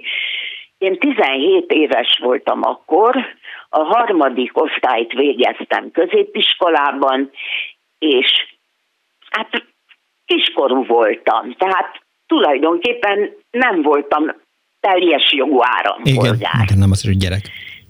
Közben többször vissza, hát mondtam, ilyen nincs, ez járjon utána, visszajött egyszer, hogy nem tud mondani, segy, nem tudna, nem engednek át. Igen? Jó, mondom, beérkezünk a keleti pályaudvarra, én feladom, hogy találkozom a csoporttal, de a következő, aki engem fel fog váltani a keleti pályaudvarat, az ezzel nem fordulhat elő, az egész vonatot neki végig kell tudni járnia. Igen. Ilyen határozott voltam, mint ahogy ezt most önnek elmondtam. Értem. Na elég az hozzá, hogy Hát nem, nem, ez nem fog menni, mert a vonat késésbe van, mert éjfélkor fogunk beérni, és már három óra késése van a vonatnak, ugye ez egy nemzetközi ö, hivatalos menetrend szerint. Na, beérkeztünk a pályaudvarra. Igen. Én leszálltam, kerestem az állomásfőnököt, aki közölte velem szinte minden előzetes ö, információ, illetve a, ki se tudtam nyitni a számat uh-huh. magyarul, közölte velem, hogy a vonatot ketté szedjük, további, további késést tudomásul veszünk, a vonatot a kívánság szerint át, ö, egybe csak a, a, a szerelvény végére fogják csatolni. A hálókocsit. Hálókocsit. Uh-huh. Na most én ezzel csak azt akarom mondani, hogy ilyen világ volt. Én egy nulla voltam. Egy középiskolás kislány. Nem, hogy mondjam, senki. De akkor ez olyan politikai helyzet volt, hm hogy ezt a vasutasoknak teljesíteniük kellett. Szép történet. Tehát én attól a, hogy mondjam, ettől az eseménytől kezdődően számítom a nagykorúságomat. Uh-huh. Igen, igen. Értem. Nem számít, hogy hány éves voltam, ez volt az eredmény. És hát gratulálok a házasságához. Tehát Ez nyugodtan mondhatja azt, hogy a... Személyes dolog, hogy aztán a szakmámban is ez Aha. volt a legfontosabb, mert mert abban az időben, amikor én egyetemet végeztem, akkor Franciaország volt Magyarországnak szinte az egyetlen nyugati kapcsolata. Igen, igen, igen, igen, igen. Hát itt aztán már... Az már egy másik, másik műsor lesz. Köszönöm szépen, hogy hívott. Hát köszönöm, hogy meghallgattam. Kész csókon, viszont hallásra. És hát az derült ki az elmúlt néhány percben, hogy az, a kedves hallgató az hát a, a férjét azt a világi fűsági találkozónak köszönheti, hiszen ha nem jutott volna eszébe 1949-ben, hogy tormács legyen, akkor 1951-ben mondjuk nem hívták, 1951-ben is volt egyébként eh, Kelet-Berlinben eh, világi fűsági találkozó, de 1953-ban valóban Bukarestben volt eh, Romániában, és aztán így adódnak, így futnak össze a szálak, mint a tej. Halló, napot kívánok! Halló. Halló, én vagyok. Ön, kész csók, jó napot kívánok. Tóth Józsefné? Igen, Tóth Józsefné tetszik lenni. Nagyon halkan hallom, mert én is vonalas be- telefonról beszélek. Én jól hallom jó önt. kívánok. Nem biztos, hogy jó, és ráadásul nagyon-nagyon izgulok, de úgy emlékszem, hogy 63-ban Algériában lett volna a találkozó. 1900, hát 62-ben eh, Helsinki-ben volt, 68-ban eh, volt a következő Szófiában, tehát lehet, hogy 62 és 68 között eh, beeshetett volna valóban az ön által említett esemény.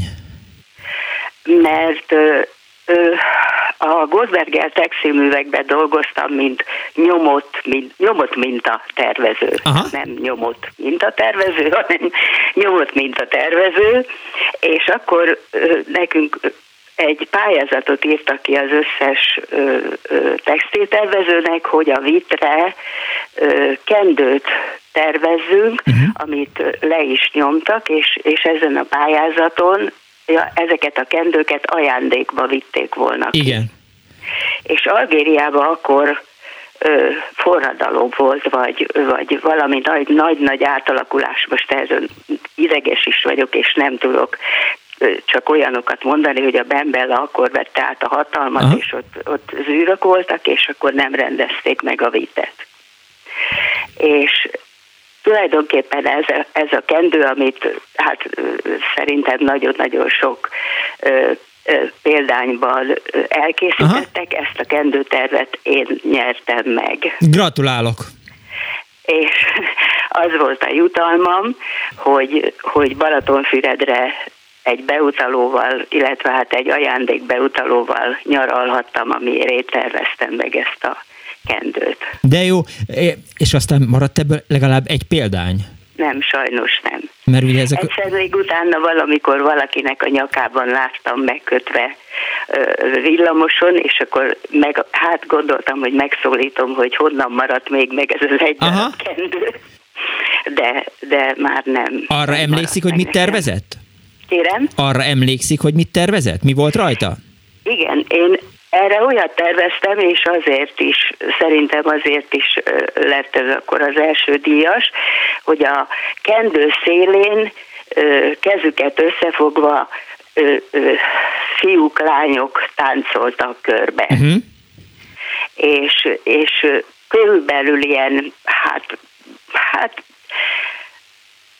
nem, nem azt mondom, hogy népviseletben, mert nem népviseletben, mert nem ismertem a világnak a, a, a különböző országokból a népviseleteket, de úgy, úgy nagyjából, amit lehetett, ezek körülbelül olyan, olyan ö, arasznyi figurák voltak, és a kezüket összefogva táncoltak körbe a kendőn. Uh-huh.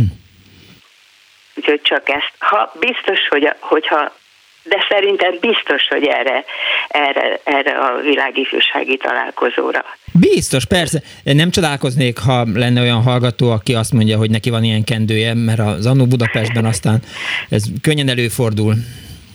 Nem hiszem, mert azt hiszem, hogy ezt megsemmisítették, és aki esetleg ebből valamit, valamit kapott, az, az, az csak egy véletlen lehetett, vagy hozzáfért valahogy. Értem. Köszönöm szépen, hogy elmesélte. Én is köszönöm Kész szépen, csókom. viszont hallásra. Viszont hallásra. Azt kérdezi a hallgató, hogy milyen vasutas sztrájk volt 53-ban. Ha jól értettem a kedves hallgató telefonját, Franciaországban volt vasutas sztrájk, nem Magyarországon, és nyilván nem Romániában, mert hát annak azért, hogy úgy mondjam, nem lett volna teteje. Halló, jó napot kívánok! Jó napot kívánok, Völgyi Péterné Márta vagyok. Kész Márta. Beszéltünk két vagy három hete a ganggal kapcsolatban, de ez a világifűsági találkozó nagyon felizgatta a figyelmet, mert egy olyan világifűsági találkozóról szeretnék beszélni, amiről valószínűleg önök nem tudnak. Na. 1972-ben Amerikában, az Egyesült Államokban rendezték meg az egyetemi kórusok világtalálkozóját. Uh-huh. És én ezen a világtalálkozón az ELTE Bartok Béla kórusának tagjaként vettem részt, 38 kórustag volt, és még négyen utaztak velünk, tehát összesen 42-en mentünk ki. Három hétig az Egyesült Államok különböző részeiben koncerteztünk, egyetemeken és kollégiumokban laktunk, vagy családoknál laktunk, utána pedig a negyedik hétre az összes egyetemi kórust, ez kb. olyan 1500 uh-huh. tag volt, New Yorkban látták vendégül, és New Yorkban felléptünk a Lincoln Centerben, ez az az épület volt, ahol a híres Bernstein-féle koncerteket, zongora Aha. hangversenyeket is felvették. Annak idején volt a Bernsteinnek egy ilyen csodálatos sorozata. Igen. A, a mm, tévében, Igen. és ilyen ifjúsági zenei műsor volt, és hát ott koncerteztünk azon a színpadon. Ez egy összesített, egyesített kórus volt a végén, én emlékszem, hogy a Handel uh, hallelujájából, a, uh, a messiásból a halleluját énekeltük. Hát ez, ez valami olyan csodálatos élmény volt, amit, amit hát nem is tudok így szavakba önteni értelen. Egy-két eseményt kiemelnék csak Jó. az érdekesség kedvéért.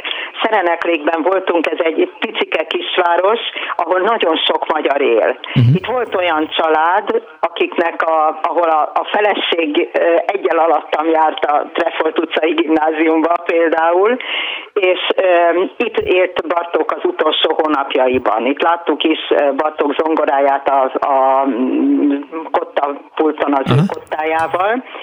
A másik nagy élmény az Washingtonban volt, ahol a Kennedy Centerben koncerteztünk, hát ez is egy hatalmas koncertterem és zsúfolásig tele volt. Aztán fogadást rendeztek a tisztel, kórusok tiszteletére a Fehérház kertjében, ahol Nixon volt ebben az időben az elnök, és Nixonné gyönyörű szép elegáns sárga ruhában személyesen fogadott, fogadott mindenkit. Mindenkivel kezet fogott, képzelje el, nem tudom pontosan szám szerint, hogy akkor ott hányan voltunk, hiszen különböző helyeken vándorolt három hétig ez az óriási együttes. Uh-huh de hát az biztos, hogy, hogy ez is egy fantasztikus élmény volt, és nekünk magyaroknak egy különleges program is volt, mert amikor New Yorkban voltunk az utolsó héten, az egyik reggelen, villás reggelin fogadott minket Darvas Lili.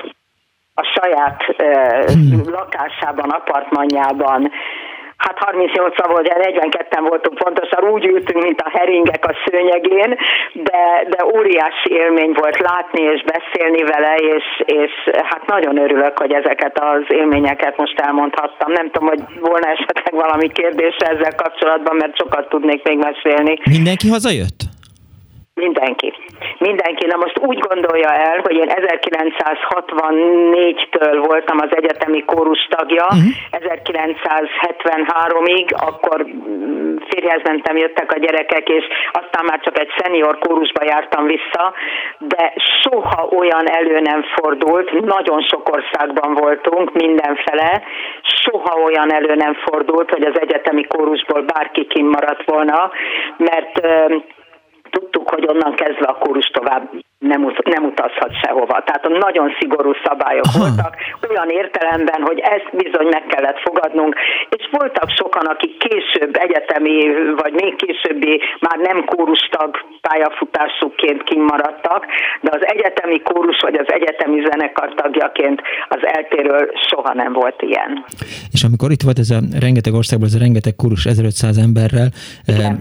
volt olyan esemény, amikor mindenki fellépett? Tehát, Minden, két ilyen alkalom volt, volt az egyik a, a Kennedy Centerben, uh-huh. Washingtonban, a másik pedig New Yorkban, mondom, a, a. Lincoln Centerben, ez volt a záró koncert. És, akkor... és hát érdekes volt, mert minden ö, nemzet igyekezett valamilyen jellegzetes ruhát viselni. Uh-huh. Nekünk két, koncert, két ruhánk volt, egy fekete koncertruha, egy kis sárga rózával díszítve a lányoknak, a fiúknak természetesen uh, smoking nyakkendő, és a másik pedig egy, hát a fiúknak maradt, hogy vár, nagy változatosságot nem lehetett használni, de a lányoknak volt egy fehér, viszonylag rövid, átakarolt mini szoknyadivat, egy uh-huh. viszonylag rövid fehér vászon ruha, aminek az elejét kék, középkék fonallal mindenki saját magának hímezte ki, úgyhogy középfonaltól számítva jobbra-balra egyforma mintákkal, tehát mint egy,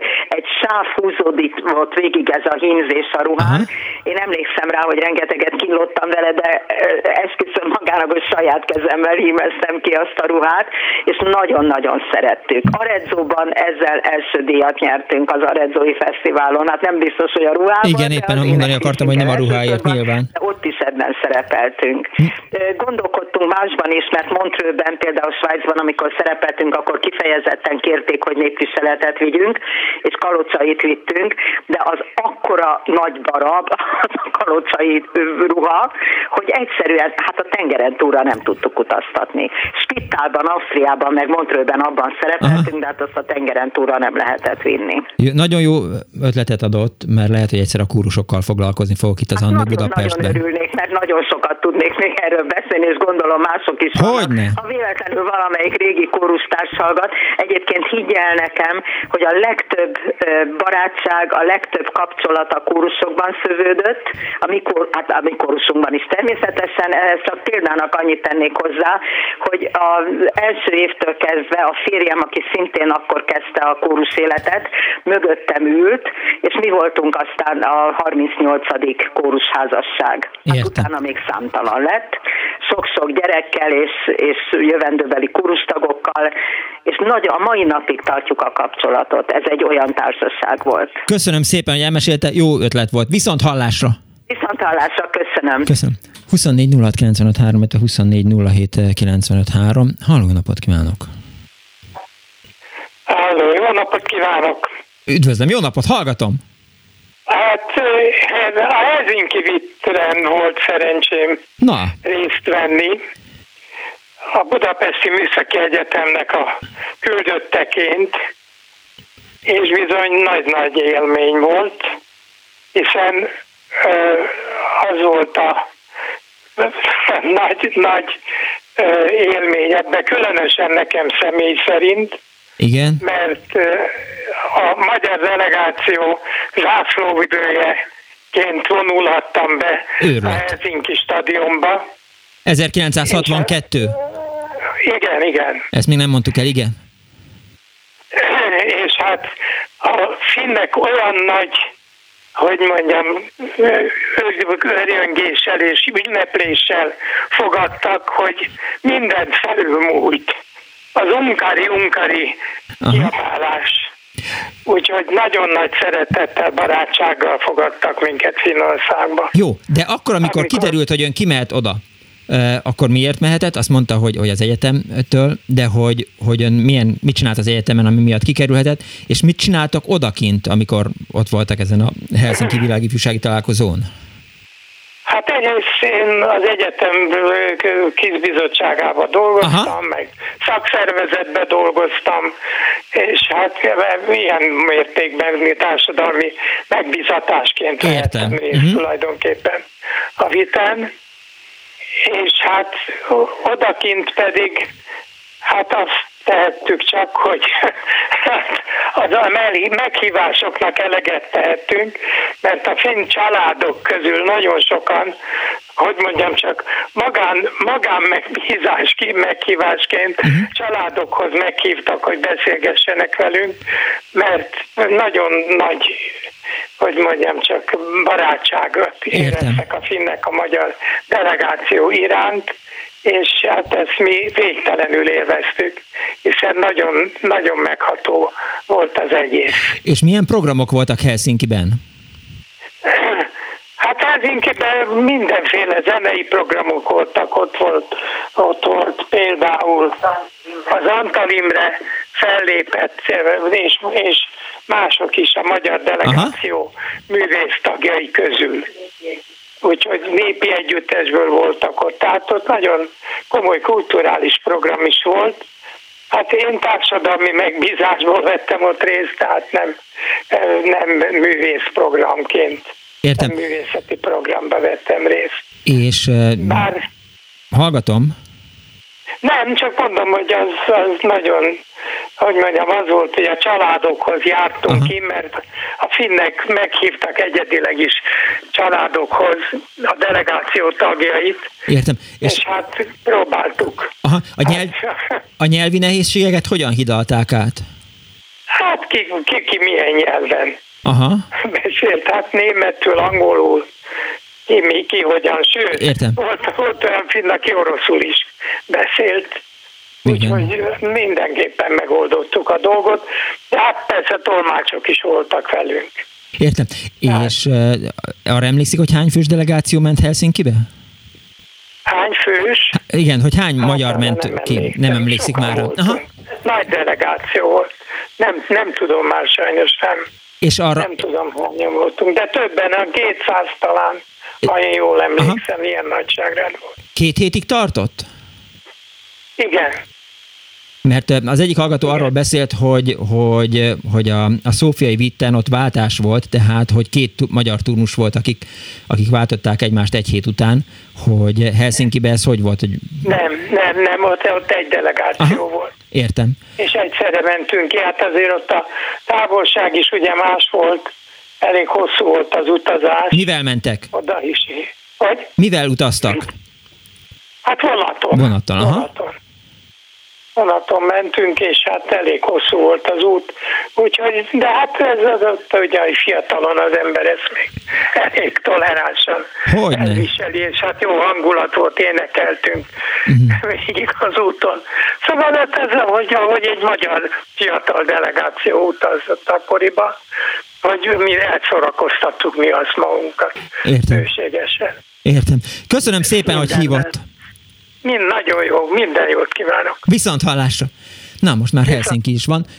Hát úgy látszik, hogy nem, Dániel, nincs más választás, mint hogy te meséld el, hogy milyen volt, amikor 1978-ban édesanyáddal kimentél a kubai vitre, és meghallgat, mi van? 1978-ra rá egy évre született meg édesanyám. Értem. Egyébként, tehát nincsenek még közvetlen élményeim ebből az, Értem. időszakból. Értem. Tehát a, a kemény család az távollétével tüntetett a, a világi ifjúsági találkozókról. Bezzegén nagyon szeretne a kis Punksnodet, nagyon szeretett volna menni, meg a kis Punksnodet testvére. Halló, jó napot kívánok! Halló! Kész csók! Én Felicita vagyok. Üdvözlöm, jó napot! Én a berlini vittem voltam 73-ban. Na hallgatom. Tolmács. Aha. És ennek az az érdekessége, hogy tulajdonképpen nemzetközi tolmácscsoportok dolgoztak ott, uh-huh. a mhm. Humboldt Egyetemen, mi a politikai munkának a részét fordítottuk. Uh-huh. Hat nyelvből állt minden csoport. Igen. És minden nyelvre három embert vittek ki. Most az volt az érdekesség, hogy a, ugye több terembe folytak a tárgyalások, meg az előadások, uh-huh. és igazából majdnem, hogy csak Magyarországról voltak szinkrontolmácsok uh-huh. és hat nyelv volt, dupla fordítás volt, uh-huh. tehát hogyha valaki angolul beszélt, akkor az angol tolmács fordította ezt magyarra, a többi nyelvesek megfordították, a fülhallgató hallgatták a, fordítást, és többiek fordították a saját nyelvükre. Ez egy elég kemény, megerőltető munka lehetett. Hát igen, azért volt három fő egy ö, ö, nyelvre, uh-huh. mert fél óránként váltottuk egymást, és az volt az érdekesség, hogy szovjet berendezés volt, tehát a, a, a technikusok azok tulajdonképpen mindig az orosz nyelvi fordításokatból indultak ki, hogy mikor mit kell csinálni. Aha. Mert ugye ők nem igazán tudták a többi nyelvet. Ami a legnehezebb volt, az az arab, tulajdonképpen, de ö, még az is volt nekünk. Arra, arra emlékszik, hogy, hogy ezeken a eszmecseréken, tanácskozásokon, vitákon ö, ö, mi volt a, a hangsúlyos téma? Vagy, vagy... Hát elsősorban a politikai helyzet, ö, helyzetellemzések. Na most voltak, akik illegalitásban voltak, tehát ö, például a nevüket se tudtuk, nem is kaptuk meg előre az előadásokat. Aha. Igazából csak a szocialista országokból ö, ö, kaptuk meg az előadásokat elő, úgyhogy készhez, de mondjuk nem annyira előre, hogy le, hogy, hogy le is tudjuk fordítani, de legalább láttuk magunk előtt. A többiek pedig, hát nagyon sokan voltak Afrikából, nagyon sokan voltak Dél-Amerikából, uh-huh. és bizony nagyon sokan voltak, akik illegálisan voltak ott. Értem. És tulajdonképpen reggeltől késő estig dolgoztunk minden áldott nap két héten keresztül.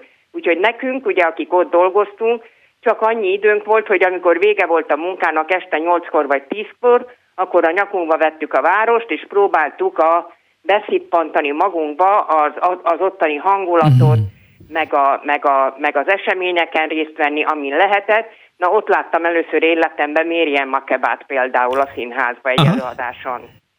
Szenzációs volt egyébként. Tömbe volt a színház, egyébként az egész városban isteni jó hangulat volt, bármikor, este tízkor, éjfélkor sétáltunk az utcán, akkor, akkor, akkor ö, egyszerűen hihetetlen, nem az a szürke, ö, ö, lehangolt ö, berlini hangulat volt, hanem, hanem tényleg ilyen nemzetközi vidám, énekeltek az emberek, rengetegen voltak az utcák, én, utcán éjjel-nappal, úgyhogy én, én speciál nagyon jól éreztem magam. Igaz, hogy nagyon fárasztó volt, de hát ez van de nagyon jó volt. És ön, önök a delegációval együtt utaztak ki? Vagy már nem, korán? Nem, nem, mi abszolút külön voltunk, külön is jöttünk haza, ugye akkor halt meg az Ulbricht. Igen. És ö, ugye mi azt hiszem, hogy már vége volt a vitnek, és ha jól emlékszem, akkor két nappal később jöttünk haza. Értem. Mi abszolút külön mentünk, ez a kis központi bizottság által szervezett tolmás delegáció volt, úgyhogy így az országból szedték össze az embereket, mondom, és nyugati tolmácsok nem is voltak, csak szocialista országból, de csehek voltak még talán, és de zömmel magyarok. Értem. Tehát mi voltunk a, a tótumfaktumok, hogy úgy mondjam. Arra emlékszik, hogy kik voltak kint Magyarországról? Arra nem, nem, mert nem is találkoztunk velük. De mondjuk mi teljesen a... máshol voltunk, Aha. elszállásolva is, mert ugye nekünk az volt a lényeg, hogy a Humboldt Egyetemhez legyünk közel. Tehát nekünk a programunk is egész más volt, tehát abszolút semmilyen hivatalos programon nem tudtunk részt venni, mert, mert reggeltől estig dolgoztunk. Tehát volt, hogy este tízig. Mm. Tíztől, tíztől tízig. Hát már is bejebb vagyunk, hogy mi történt a berlini vitten. Nagyon Igen, szépen... és az volt a, az volt a Igen. rossz, hogy amikor vége volt a vittnek, ugye akkor mi még nem tudtunk hazajönni, mi repülősök voltunk, én nem tudom, hogy a többiek hogy mentek ki, de mi repülővel jöttünk, mentünk, és ő, ugye két nappal a vit befejezése után. Na, ahogy vége volt a vitnek, abba a pillanatban az egész hangulat rögtön megváltozott. Na, na. És az olyan lehangoló volt, szürkeség volt, levették a világításokat, a palakátokat, a díszítéseket, szóval nagyon-nagyon lehangoló volt, úgyhogy alig vártuk, hogy hazajöjjünk. Értem. De nagyon egyébként ön, maga a két hét, Aha. amikor mi ott dolgoztunk, még a, még a, hogy mondjam, tehát a, a, a, a munka is jól esett, mert a hangulat olyan volt. Hogyne. Nagyon-nagyon jó volt. Köszönöm tehát szépen, hogy elmesélte ezt. Voltak, Aha. akik tolmácsoltunk, meg izé, hát nehéz volt a szinkron tolmácsolás, tehát az mindig nehéz, fél óránként váltottuk egymást, Ugye volt olyan, aki csak idegen nyelvre tudott jól fordítani, volt olyan, aki csak magyarra tudott jól, akkor azt próbáltuk úgy beosztani, úgyhogy a magyar felszólalóktól néha-néha megkaptuk a, a, a szöveget. Egy, egy, egy emberre emlékszem, hát a többiek, a, a többi magyarra nem igazán, a dr. Tóth Tamás, aki a, a közgazdasági egyetemnek volt a, a professzora, uh-huh és ő tartott egy, egy előadást ott, pont az én terem, abban a teremben, ahol én Igen. tolmácsoltam, és nagyon szépen, kulturáltan beszélt, direkt megbeszéltük vele, hogy tudjuk fordítani például. De jó. Úgyhogy nagyon, nekem ez óriási élmény mai napig is. Köszönöm szépen, hogy elmesélte. Nagyon szívesen. Köszönöm Kész csokon, viszont hallásra. Azt írja az egyik hallgató, Katalin SMS-ben, ugye, ugye még senki nem beszélt a kubai vitról, vagy csak nem hallottam, de ha tényleg nem, akkor felmerül bennem, hogy lehet, lehet hogy oda csak fiatalra maszkírozott belügyesek mentek. Bocs, írja Kati. E, rajongó, Dani rajongó, nagyon érdekes, jó a műsor, de engem csak a Dani érdekel.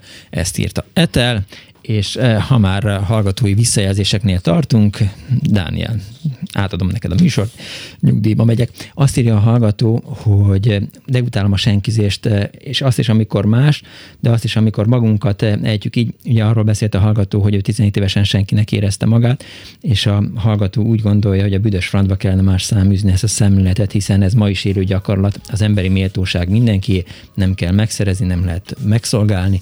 Amikor az értelem nevében érvelünk, az érvelés számít, nem a jogosítvány, a megvetés, lenézés senkinek nem jár.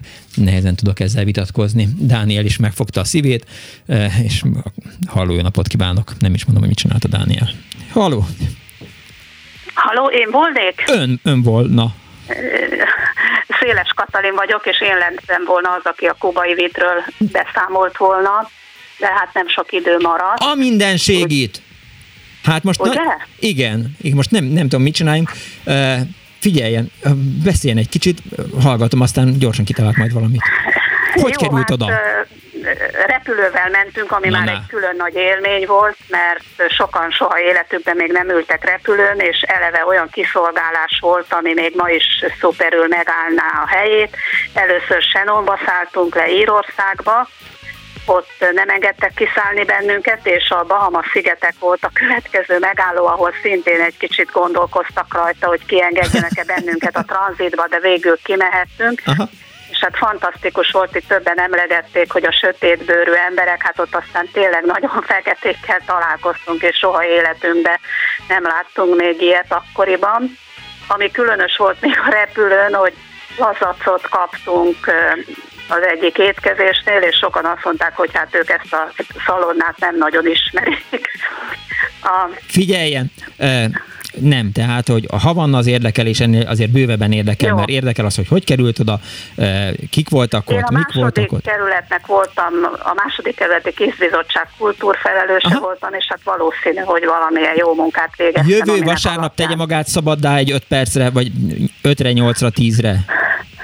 Rendben. Jó? Rendben. Jó, hiszen erről szólt volna a műsor, a havannai vitről is, de hát eh, arról csak ön volt, de vissza fogunk rá térni, megígérem önnek. Jó, nagyon kedves, köszönöm. Kész sokan, viszont hallásra. És, és, és szólok is Árva Brigitta szerkesztőnek, hogy a kedves hallgatónak a telefonszámát, akivel most beszélgettünk, tegyük el, és írjuk bele az adásmenetbe, meg az én eh, fejembe, a Winchesterbe, égessük bele, hogy vissza kell térnünk a havannai vitre félig már ki van találva a jövő heti műsor, zárójel nem, nek ne kérdez rá, Dániel, úgysem árulom el. Ha van alakult el. Ha van ala...